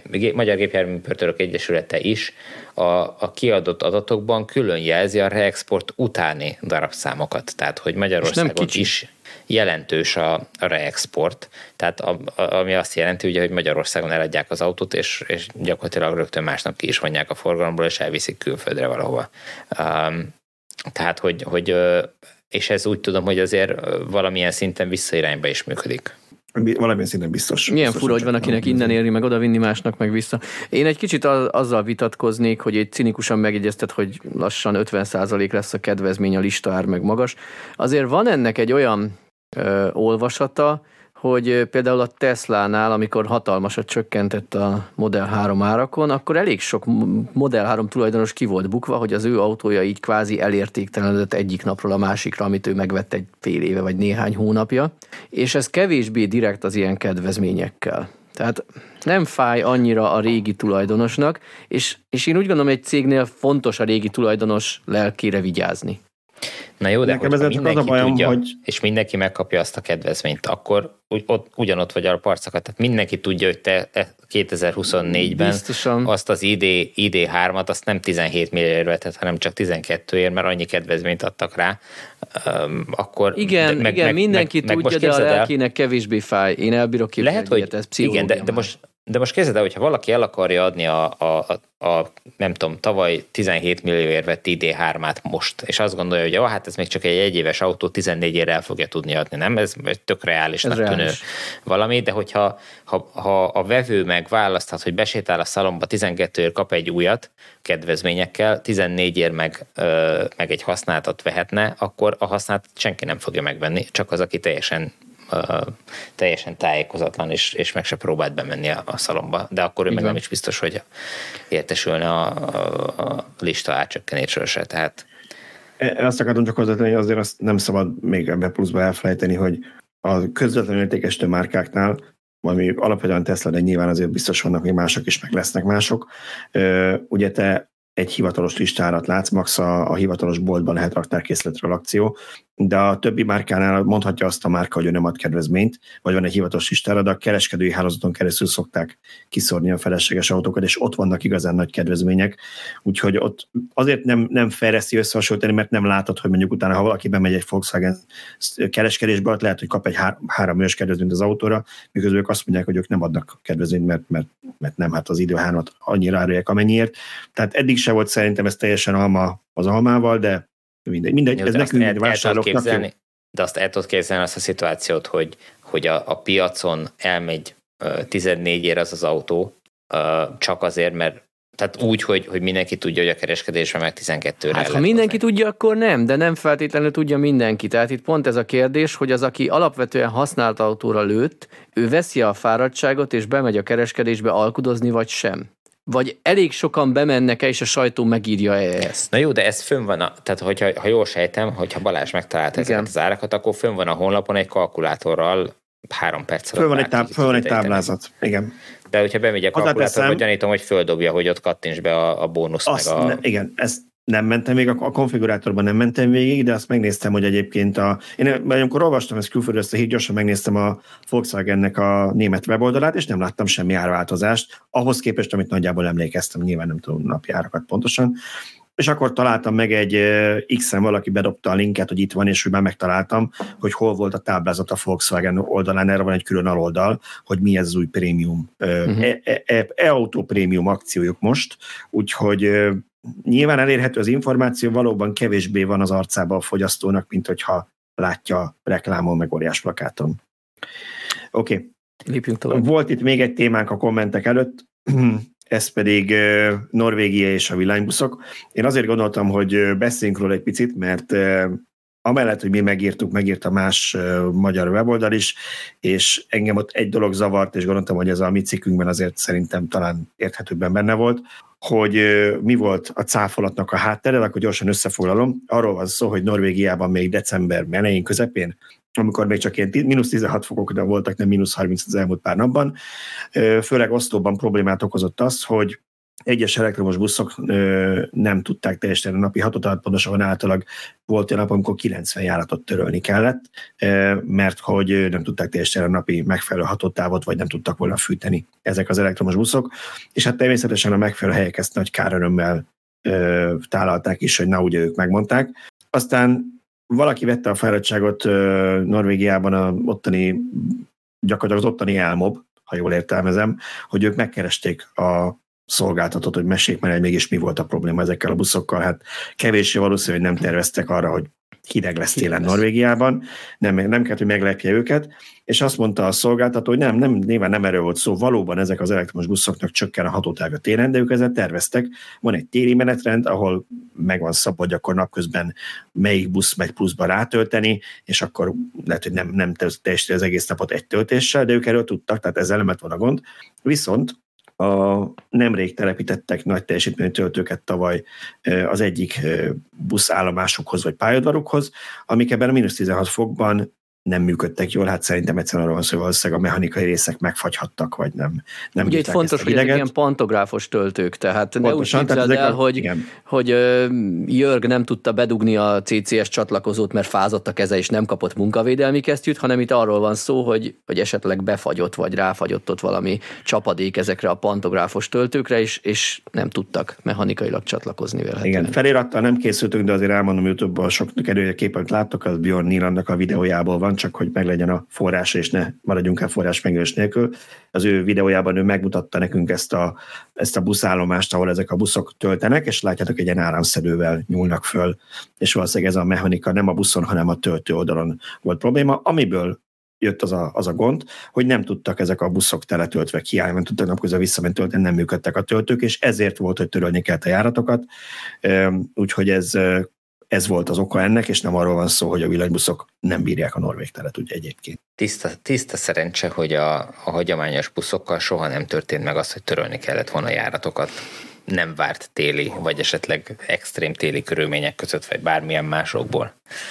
Ne, Igen, most a, ez azért nevetséges egy kicsit, mert számomra, mert, mert ez egy teljesen új üzem. Most tanulják ők is ők beleugrottak nagyba, tehát nem, nem egy-két busszal töketlenkednek, hanem megcsinálják. Igen, bocsánat, akkor azt tegyük, tegyük gyorsan hozzá, hogy a Oszlóban a közlekedési társaság az ott a terve, hogy 28-ig lecseréljük az összes busz elektromosra, de úgy néz ki, hogy ez tavaly december 31-ig megtörtént már, hamarabb, mint tervezték. Na, tehát, hogy, és, hogy ők ezt nagy, nagyba csinálták, teljesen normális szerintem egy, egy ekkora váltásnál, hogy vannak fönnakadások, amiket még, amire nem gondoltak, vagy ami gondoltak, de nem pont úgy számolták ki, vagy nem úgy jött ki, vagy mit tudom én mi lesz? Majd azokra az útvonalakra, amik, amiknél ez szükséges, rendelnek egy picivel nagyobb hatótávú buszt, vagy tesznek még a buszfordulóba töltőt, vagy mit tudom én, tehát meg fogják találni a megoldásokat, és ki fogják javítani azokat a hibákat, amik, amik vagy, vagy problémákat meg fogják, ki fogják küszöbölni, és esetleg azt a buszt, amelyik most erre nem alkalmas, el fogják adni egy kisebb városnak, ahol meg vígan fogja tudni teljesíteni azokat a köröket, amiket kell, és, és kész, le van tudva. Tehát itt nem arról van szó, hogy az elektromos busz nem alkalmas arra, hogy télen üzemeljen, hanem esetleg az, hogy ott nem minden jött össze pont úgy, hogy kellett volna. De Igen, nem veszett el az a pénz, amit beleraktak. Itt konkrétan arról volt szó, hogy idén ö, telepítették, ha jól értelmeztem, ezeket a töltőket először, a Tritiumnak ezeket a pantográfos töltőit, ami egy ausztrál cég, lehet, hogy kicsit túl egyszerű, hogy az ember arra gondol, hogy Ausztráliában nem tervezték ezt annyira a térre, de azért gondolom, hogy egy ilyen világcégben a Tritium nagyon sok országba szállít töltőket tisztában van, hogy van, ahol vannak téli körülmények is. Az lehet, hogy nem a fejlesztés fő fókusza, el tudom képzelni, hogy a Tesla-ra szokták ezt mondani, hogy kaliforniai cég most meg már texasi, és hogy nem nagyon terveztek hóra, ennek szépségében egy Kaliforniában azért van olyan hely, ahol szokott lenni elég kemény a hó. Na de a lényeg az, hogy, hogy ezt mondják, hogy ezeket a, ezek a töltőkkel most ismerkednek ők is, és gyakorlatilag egy ilyen problémát találtak, de pár nap alatt megoldották, és most már elvileg mínusz 30 fokig működniük kell ezeknek a pantográfos töltőknek. Nézzük okay. a kommenteket. Nézzük a kommenteket. a kommentek, kommentek elé, bocsánat, én, ha már Igen? ilyen negatívba elmentünk, akkor, akkor elmondanék egy negatív sajtóközleményt, vagy nem sajtóközleményt, saját közleményt, bocsánat. Csak ugye arról volt szó, hogy itt bepromóztuk, hogy majd milyen frankó Kia EV9 tesztünk lesz, mert hogy azzal megyünk sielni kétszer ezer kilométerre, és bemutatjuk, hogy ez egyáltalán nem fáj már a dízel után. És a jövő héten lett volna ennek az ideje, és sajnos nem fog összejönni, ugyanis összetörték azt a tesztautót, amivel mentünk volna, úgyhogy így sajnos nem lesz EV9 sielős gyakorlati tesztünk. Mert nem az EV9-es sieltél volna, csak azzal mentetek volna sielni. Így van. Igen, úgy gondolom, hogy egy jó teszt lett volna, és, és ezt a visszajelzést is kaptam több olvasónktól, vagy hallgatónktól, amikor e- ezt, ezt ugye már elkotyogtuk korábban valamikor decemberben, hogy lesz egy ilyen teszt, nagyon-nagyon sokan kíváncsiak voltak rá, hogy hogy fog szerepelni az autó. És azért is érdekes lett volna, mert hatan mentünk volna felnőttek baráti társasággal. Szűken fértünk volna be az EV9-be, de én úgy gondolom, hogy megoldottuk volna. És volt a társaságban olyan, aki a, tehát nagyon széles volt, aki villanyautózik, de azért egy hosszú útra inkább dízellel menne, meg volt olyan is, vagy lesz olyan is, mert ugye azért elmegyünk sielni, csak nem ezzel az autóval, aki abszolút dízelvérő, viszont nyitottan állt hozzá. Tehát már így a társaságon belül is lett volna többféle vélemény szkeptikusabb irányból, és nyilván ezt nem szerettem volna eltitkolni, és tehát egy olyan érdekes cikk született volna meg, hogy mennyire fájt egy dízelvérűnek az EV9-el egy ilyen 1000 kilométeres út. Sajnos ez most elmaradt, talán majd egy másik alkalommal sikerül erre sort keríteni, de hát nyilván, hogyha most megkapjuk egy hónappal később a tesztot, akkor nem fog még egyszer beletekerni 1000 kilométer csak úgy Brahiból, úgyhogy ez nem jött össze. Oké, okay. na akkor jönnek a kommentek. Most már tényleg. Éles váltással. A BYD-ról beszélgettünk az elmúlt adásban arról, hogy Szegeden építenek gyárat, és ugye mi is azt emlegettük, hogy hát olyan fura ez a 200-es tervezett darabszám, hogy ez hogy, hogy lesz kifizetődő, hogy ennél több, több kéne valószínűleg az, hogy ez jól menjen. Valaki azt írt erre, hogy szerinte nem akarták megérimíteni a helyieket egy nagyobb darabszámmal, meg Brüsszelt sem, de pár év múlva szerintem millió felett lesz a BYD termelés, vagy a gyártás megkezdés után pár évvel meg fogják ezt emelni. Simán benne lehet a, a dologban. Nekem továbbra is fura, hogy 200 ezerre terveznek egy gyárat, én is azt hinném, egyetetek az olvasó vagy hallgatóval abban, hogy valószínűleg több lesz ebből a végén. Valaki azt is megkérdezte, ez félig költőkérdés, hogy lesz-e most tüntetés az autógyár ellen, mert hogy kell-e bele akkumulátor.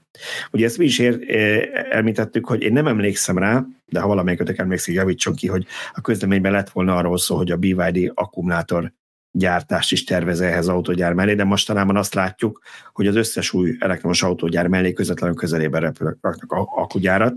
Ráadásul a BYD a saját akkumulátorait használja az autóiban, tehát nem is az, ami veszi valaki mástól, úgyhogy az a kérdés, hogy lesz szétakkugyártás is majd az autókhoz, vagy nem.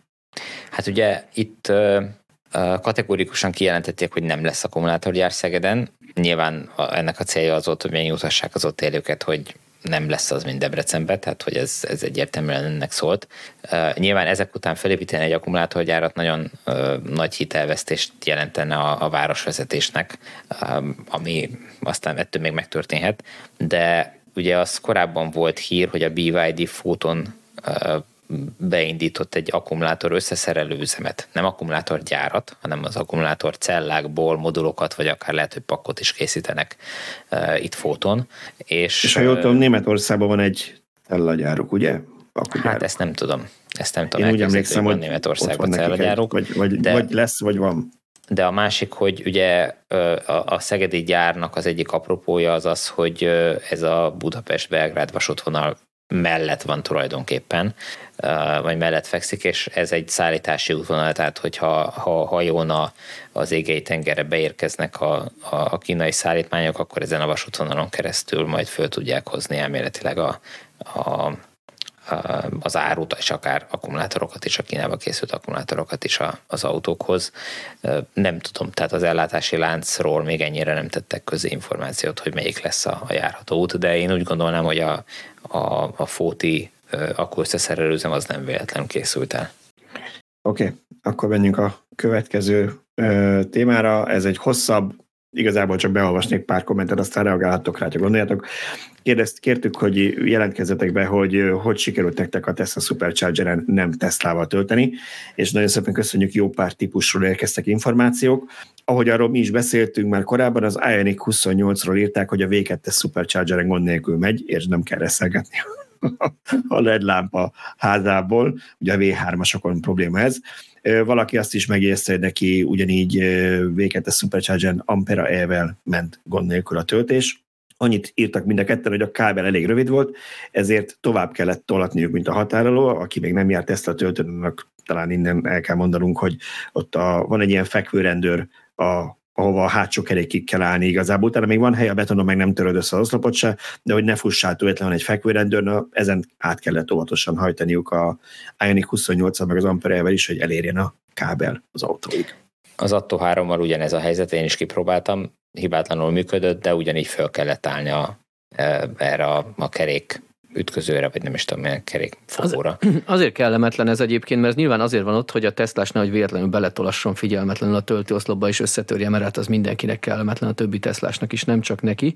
Na most, ha ha erre fölállsz, akkor még nehezebb kicentizni, mert ha épp túllendülsz, akkor ott meglódul a kocsi, hát ott azért Pontosan. nagyon kell ügyelni, úgyhogy nem annyira frankó. Én mindenképpen Igen. azt támogatnám, hogy legyenek olyan töltőhelyek is, ami a másik oldalról is megközelíthető, és sajnos Igen. ez nagyon sok helyen nem így van, hogy egyszerűen a parkoló utolsó sorába teszik a töltőket.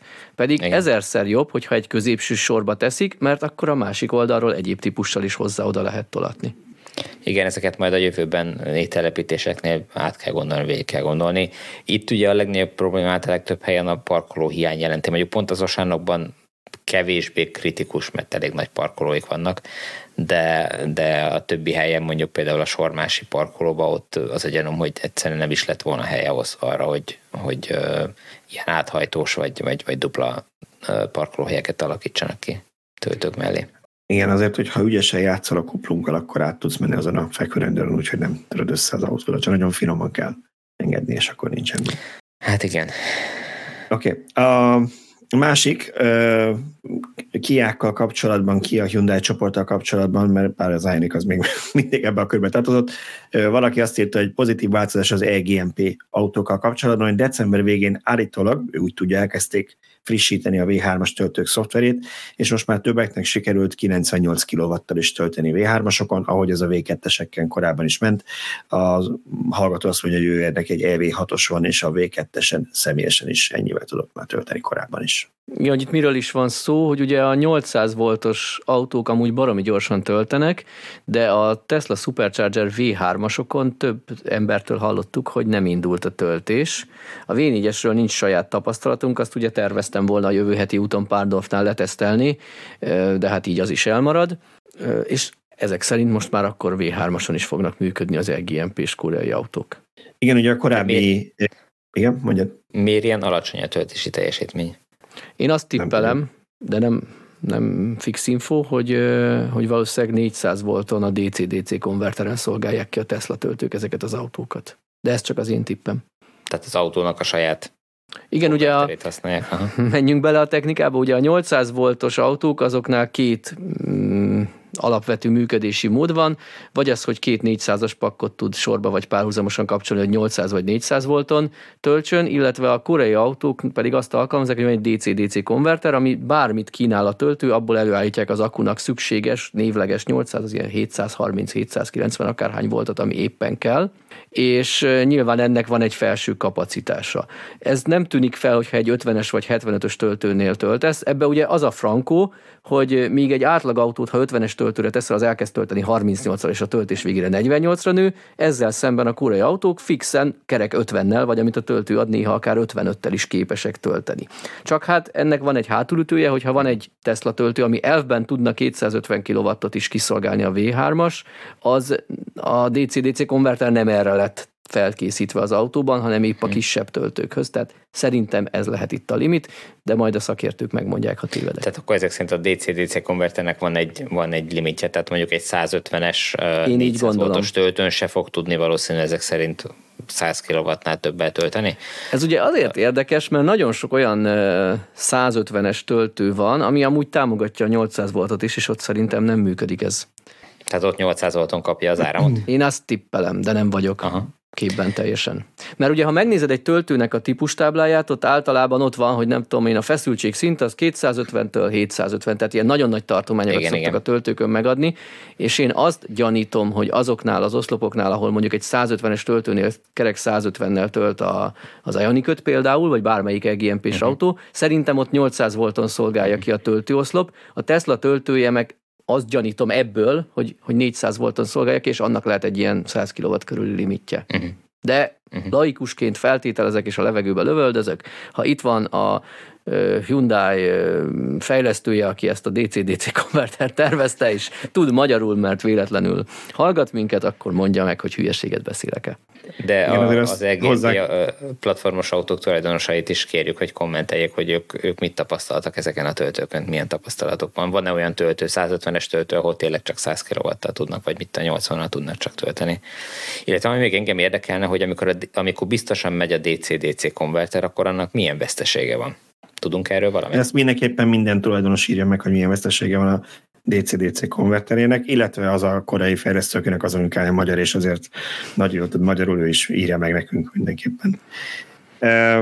Következő csak annyi azért egy rövid, rövid megjegyzés tőlem, mert ez előtt a kommentekben, hogy valószínűleg ez nem mindenkinek volt egyértelmű. Valaki írt, hogy találkozott olyannal, hogy 80%-ra limitálta a töltését a Tesla töltő, nem az autód romlott el, csak hogyha ez valakinek újdonsága nem töltött össze a töltő, a Tesla töltőknél az van, hogy ha nagyon tele van az állomás, tehát mondjuk a 12 oszlopból nem tudom én már 8 vagy 10 foglalt, akkor a Tesla saját maga alapból 80%-ra korlátozza az új belépő autóknak a tölt- töltését.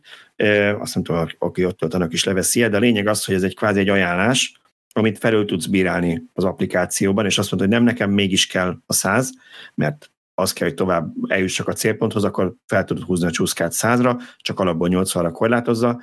Ez van a Tesláknál, ha Teslát töltesz, azt nem próbáltam, hogyha nem Teslát töltök, akkor is engedi-e, hogy ezt felülírjam, de nem gondolnám, hogy ott nem engedi. Úgyhogy ezzel lehet változtatni. Oké, okay, Forti Supercharger-en simán tudtam tölteni a BMW i3-at, CCS2 CCS1 átalakító volt, tehát nekem ez úgy tűnik, hogy ez valami amerikai import autó lehet. Úgy tűnik, igen. Ami egyébként nem minden töltőn megy a, a, a hallgató, azt mondja, hogy más szolgáltatóknál nem mindig működik ez gond nélkül, de a, a Foti töltőn ez, ez gond nélkül ment, és egy másik európai i3 tulajdonos is azt írta, majd hogy az Európának szánt CCS-2-es autó volt, de neki is gond nélkül ment az i3. Aztán Látom, valaki... Makit, meg, meg Springet, Dacia Springet tölteni, mikor az Atto 3-at próbáltam, akkor egy Maki töltött meg egy Dacia Spring. Ja, a Dacia Spring is egyébként a V3-asokkal nincs jóban. Állítólag 3 kg, 3 kW-ot vesz föl csak a V3 ja, a Dacia. Spring. Tehát e, ott elindul a töltés, nem dobja Aha. el. Az is lehet, hogy azóta ez már változott. Én a Dacia Spring Facebook csoportban, ugye, mint említettem, a káros szenvedélyem, olvastam ezt, hogy sokan panaszkodnak, hogy miért csak 3 kW-tal tölt, és akkor ott megfejtették a srácok, hogy a V2-ről tölt azzal a 25-30-al, amit amúgy tud az autó, de valamiért a V3-assal nem tud jól kommunikálni, és ott hárommal tölt tött, akkor, amikor én ezt olvastam, lehet, hogy már azóta szoftverfrissítéssel megoldotta utána Dacia. Gonosz módon, gonosz módon meg akartam kérdezni, hogy miért csak háromat, pedig tudna az négyel vagy öttel is, de nem valóban 20 valamennyivel tud tölteni, ez egy nagyon pici akkumulátor, tehát nyilván nem tudja sokkal nagyobb teljesítményt tölteni. Én gyanítom, hogy Tesla-nál most gyűjtik szorgalmasan az adatokat a töltőhálózatból, hogy milyen problémák vannak, és remélhetőleg ezt szoftverfrissítésekkel megoldják. Most egyébként a Tesla olyan helyzetben van, mintha az Apple elkezdene Windowsos cuccokat gyártani, mert ugye mindig elmondjuk, hogy azért az Apple termékeknek nagy előnye, hogy tényleg működik minden mindennel, de ez jó részt azért, mert ugye viszonylag limitált, hogy mit kell tudnia támogatni. Ez, ez egy zártabb rendszernek a, az erőnye, a Tesla-nál ugyanez van, persze, hogy jól működik a Supercharger hálózat, csak a saját autóikat kellett tölteni, nem kellett kártyával, fizetéssel, semmivel mókolniuk. Most, hogy sok más autómárkának a töltő, az autói is ráállnak a töltőkre, meg külön applikációval el kell nyitani nekik a töltést, azért már itt is előjönnek azok a problémák, amik máshol is voltak, úgyhogy arra leszek kíváncsi, hogy ők milyen gyorsan oldják meg, hát gyanítom, hogy nem úgy, mint az Electrify Amerika, hogy hónapokig most, nem semmi. Most szembesült a Tesla az elektromobilitás valós arcával, mi? Hát, hogy mi van, ha nem ők gyártják az autót, inkább ezt, ezt mondtam volna. Oké, okay. Na, e-golf, csak hogy legyen még egy-két típus, e-golfnál valaki szintén azt írta, hogy neki is gond nélkül működött, és előbb kellett neki is indítani a töltőt, mint hogy bedugta volna. És hogy azzal magyarázta, hogy a csatlakozás pillanatában élet fel a töltőelektronika a kocsiban, és rögtön próbálja a kommunikációt, ha akkor még nem megy a töltő, akkor egyszerűen azt hiszi, hogy valami hiba van, és ezért nem indul el. Úgyhogy. És utolsó ilyen jelentésünk Mercedes EQE is simán indult, pedig zöldfülű voltam, először dugtam be, utána indítottam, és mégis ment gond nélkül. Valószínűleg a Mercinél kicsit más a logika, és ezért nem ennyire kényes erre a sorrendre. Oké. Okay. Valaki kommentálta még mindig így töltés kapcsán a Cybertruckos beszélgetésünket, ahol azt mondta, hogy ő azt gondolta volna, hogy ha ugye a, talán a Taycan meg az Audi e-tron GT, ami ezt használja, még ezt a két 400 voltos paknak tekintjük a 800 voltot megoldást, hogy a Cybertruck is ezt követi, tehát nem ilyen konverter van benne, és ő azt mondta, hogy ő azt várta volna, hogy akkor gyakorlatilag az a két 400 voltos akupak a töltő maximális teljesítményéig fel tudna menni, tehát gyakorlatilag kétszer 125 kw kéne tudnia tölteni, és ki kéne maxolni ezt a 250-es töltőt, akármi is van, mert hát két külön akupakként el kéne mennie a töltő limitjéig, és ő neki ezért volt csalódás az, hogy nem töltött nagy teljesítménnyel végig a Cybertruck. Amiben valami logika szerintem van az elvégben. Van benne logika, de én ugye ebből a beszélgetésben nem vettem részt, én azt tartom a legvalószínűbbnek, hogy itt a gyártás hajnalán ez szoftveresen van visszakorlátozva, és majd ha látja a Tesla, hogy nincs gond, egy se gyullad ki, akkor majd húzzák felfelé. Én ebben bízom. Még. Oké. Okay. Valaki kérdezte tőlünk, nem tudom, hogy tudunk erre válaszolni, de gondoltam, bedobom, hát nektek van róla infotok.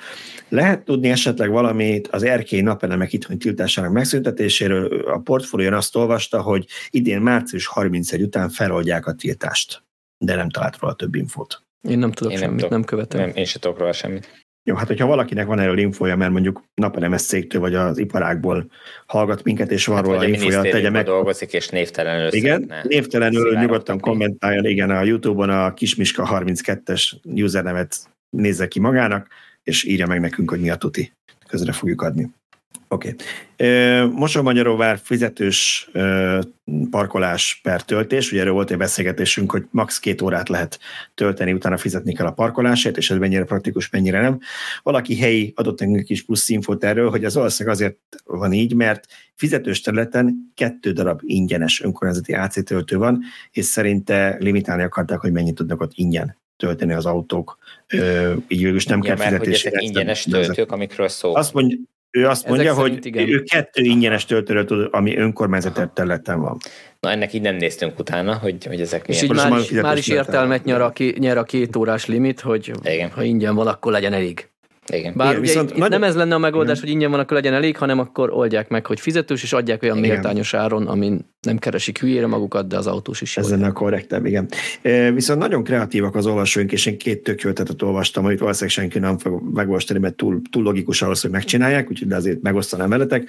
Egyik olvasónk mindig, most, most én mondok olvasó Tibor, de hallgatunk, bár hogy olvas is minket, azt írta, hogy mondjuk ha a sofőr alkalmazás indítja a töltést, elvileg technikailag nem lenne nehéz megoldani, hogy az alkalmazásban hozzáadjanak egy külön fiókot a parkolóőrnek is, ahol megállítani nem tudná töltést, de látná, hogy megye, illetve hogy mióta megy. Én ezt annyival egészíteném ki, hogy az nem túl logikus, hogy a parkolóőrnek minden alkalmazást le kell tölteni a telefon, és mindegyikhez van egy parkolóőr nevű fiók, amit tudnak használni, de azt el tudnám képzelni, hogy a szolgáltatók közösen egy felületet létrehozzanak a, a parkolási társaságnak, és mondjuk a kútnak a QR kódját beolvasva a telefon megmutatná, az autó éppen tölt, vagy nem tölt ennyit. Igen, abszolút. Igen. Úgyhogy ezt meg lehetne oldani. Valaki meg azt írta, hogy Ausztriában... Vagy, annyit jó, még igen, hozzá, hozzátenni, hogy ha valaki ezt, valamelyik szolgáltató ezt megvalósítja, akkor érdemes lenne még hozzátenni, hogy ha nem tölt, akkor hány perce nem tölt. Mert nehogy az legyen már, hogy másfél perce járt le, és akkor rögtön megbüntetik. Tehát Igen, hát még a normál parkolás is van egy 5 perc türelmi idő, hogyha lejárt a parkoló cédulát, tehát azért valami, valami, valamit muszáj adni, igen. Valaki azt mondja, hogy Ausztriában ez úgy működik, hogy ha te megadod az időn, ha, ha te a megadott időn túl is töltesz, tehát szerint ott is van már ilyen történet, akkor megbüntetnek, elvileg így értem ezt, amit, amit mondott, de egy e-mailben, egy megfelelő e-mail címre el kell küldeni a töltés igazolását, és akkor elengedik a büntetést, hogy ha te tényleg töltöttél a két órán túl. Tehát ha nem csak mhm. parkoltál, hanem. Tehát ott utólag oldják meg, ami Nekem, jobb, nekem elegánsabbnak tűnik ez a QR kóddal oldja meg a parkolóőr, viszont valószínűleg kevesebb fejlesztést igényel, ellenben utólagos több adminisztrációt igényel, hogyha te utólag igazolt, hogy te tényleg töltöttél, nem csak parkoltál ott. Hát az utólag marha drága, hogyha naponta 12 ilyen ügyet kell egy ügyintézőnek. Marikanének fel kell dolgoznia, igen, igen, igen, igen, igen. Oké, okay. na és akkor az utolsó kommentünk, ez pedig szintén egy kérdés volt hozzánk, ez lehetséges olyan dolog, amit Szabolcsnak kéne hallania, de majd tolmácsoljuk neki, meg úgyis szokta ezt hallgatni. Nincsen jobb dolga, vagy ha van jobb dolga, akkor is nem tudom miért, de hallgat minket. Mi, mi lenne, szóval... tennénk a jövő héten? Talán a jövő héten Szabolcs lesz itt helyettem, nem? Mert én nem leszek, az biztos. Elmondhatod a kérdést, elmondhatod a kérdést, szerintem mi nem fogjuk tudni Szabolcs. a választ, és Igen. a jövő héten, ha itt van Szabolcs válaszol, plusz a kommentelők, ha valaki tudja, megválaszolhatja. Oké, okay. szóval az volt a kérdés, és szerintem nagyon logikus maga a kérdés, hogy a Szabolcs azt mondta, hogy a jelenlegi szabályozás nem támogatja a hibrid napelemes rendszereket, akár nem tudja, arról van szó, ugye, hogy van otthon akkumulátorod, és abba töltesz és azt használod, egy szigetüzemű rendszer alapvetően. A hibrid azt jelenti, hogy te ugyanúgy visszatöltesz a hálózatra is, csak van egy otthoni akud is, ami elég sok országban engedélyeznek, ez kell egy külön kütyű még a rendszerbe beépíteni, hogy ugye lekapcsolja, hogy az akkumulátorod ne vagy visszatöltsön a hálózatra, amikor egy áramszünet és valaki szereli a szolgáltatótól a, a vezetéket, de ha ezt technikai megmondod, akkor sok országban engedik, nálunk még nem tart itt a szabályozás, és valaki azt mondja, oké, oké, okay, Szabolcs azt mondta, hogy ezt nem engedi jelenleg, de akkor hogy van az, hogy a mostani napelem plusz akkumulátorpályázatos rendszerekben ezt mégis lehetővé teszik, hogy ott nem volt ilyen kikötés, hogy csak szigetüzemben működhet, vagy akkor a mostani pályázattal azt írja, vagy ha most induló pályázattal ez nem probléma, akkor miért ne igényelhetne olyan támogatást, miért ne igény, igényelhetne olyan támogatást olyan, aki korábban nem kapott támogatást napelemes pályázatra. Szóval, hogy akkor most hogy is van ez, hogy egyrészt műszakilag most akkor megengedette a hibrid, vagy nem, hogyha itt pályázol, vagy nem, illetve hogyha ha ez nem probléma, akkor meg miért nem kapott valaki támogatást? Szerintem a második része az egy kicsit másra irányul, mert, mert nem biztos, hogy azért én azt gondolom, hogy azért nem kapott támogatást, mert úgy veszik, hogy ő még bruttó, vagy na, ő még, hogy mondják ezt, szaldós elszámolásban van, és ezért neki nem kell plusz akkumulátort támogatni. Hát én, én nem olvastam végig, bevallom, amikor azt mondtam, hogy majd Szabolcs jövő megmondja, de egy tippet mondanék rá. Itt ugye ketté kell választani a rendszert. Attól, hogy van otthon akud, az nem jelenti azt, hogy az akuból te ki is fogsz táplálni a hálózatra, ellenben a belső fogyasztást fedezheted akuból, és szerintem itt nem mindegy, hogy melyikről beszélünk. Igen, ez mindenképpen érdekes, érdekes kérdés, hogy most akkor megvan-e tiltva ezt az akuból kitáplálja a hálózatra, vagy nincs megtiltva, illetve valahogy akkor limitálva van ebbe az új állami támogatásos rendszerbe, hogy úgy kell konfigurálni, hogy ne lehessen e, kitáplálni. Hozzáteszem, hogy az egyik egy pályázat, aminek vannak a követelményei, másik egy műszaki előírás, a kettő nem biztos, hogy üti egymást, mert az egy, a kér, az kérdés, kérdés hogy... pályázatos felére meg csak idézni tudnék egy olyat, hogy a javaslat szakpolitikai ok, na ezt nem tudom kimondani. Szóval a javaslat szakpolitikai okból nem támogatott, tehát csak mert mi így akartuk. Tehát most Igen. nyilván bárkit is támogathatnának, de most ilyen kérdést feltenni nekünk, hogy, hogy nem tudom, hogy a akinek rózsaszín a nyelve, az kaphat-e támogatást? Hát felől nem igen, de a támogató meg úgy gondolja, hogy nem, akkor nem. Igen, én mondom, nekem az a logikus magyarázat erre, és egyébként valahol még egyet is tudok vele érteni, nyilván mindenkit támogassanak, a lehet, de hogy szerintem az lehet az alapelv, hogy azért támogatják most ezeket a rendszereket, mert, mert nincsen, már, eh, nincsen már szaldós rendszer. Ha viszont valaki szaldós, akkor neki nem légy szükséglet, hogy akkumulátor legyen, mert igazából tök mindegy, hogy van-e vagy nincs. Nem teljesen van igazad, mert ugye van, akinek lejár a tíz éve. Tehát mondhatták volna azt, hogy... De ha... akkor már nem szaldós. Igen. Hát de, de nem, ha te vettél tíz éve egy napelemet, és van a házadon, akkor te nem léphetsz be ebbe az új pályázatba, ki vagy zárva így, így konkrétan. Uh-huh. És ez, ez valóban nem korrekt, mert ha ha, tehát, tehát akkor te mivel vagy rosszabb? Azért, mert az elmúlt tíz évben saját erőből finanszíroztál egy napelemes rendszert, aminek lejárt a tíz éve, és, és ugyanúgy bruttós vagy, mint aki most veszi, csak te nem cserélheted le mondjuk az inverteredet, meg vehetsz hozzá egy akut a pályázatból. Én azt írnám elő, hogy ha valaki olyan pályáz, akinek van korábbi rendszere, akkor szaldós már nem lehet. És azt mondom, hogy akkor úgy oké. Okay.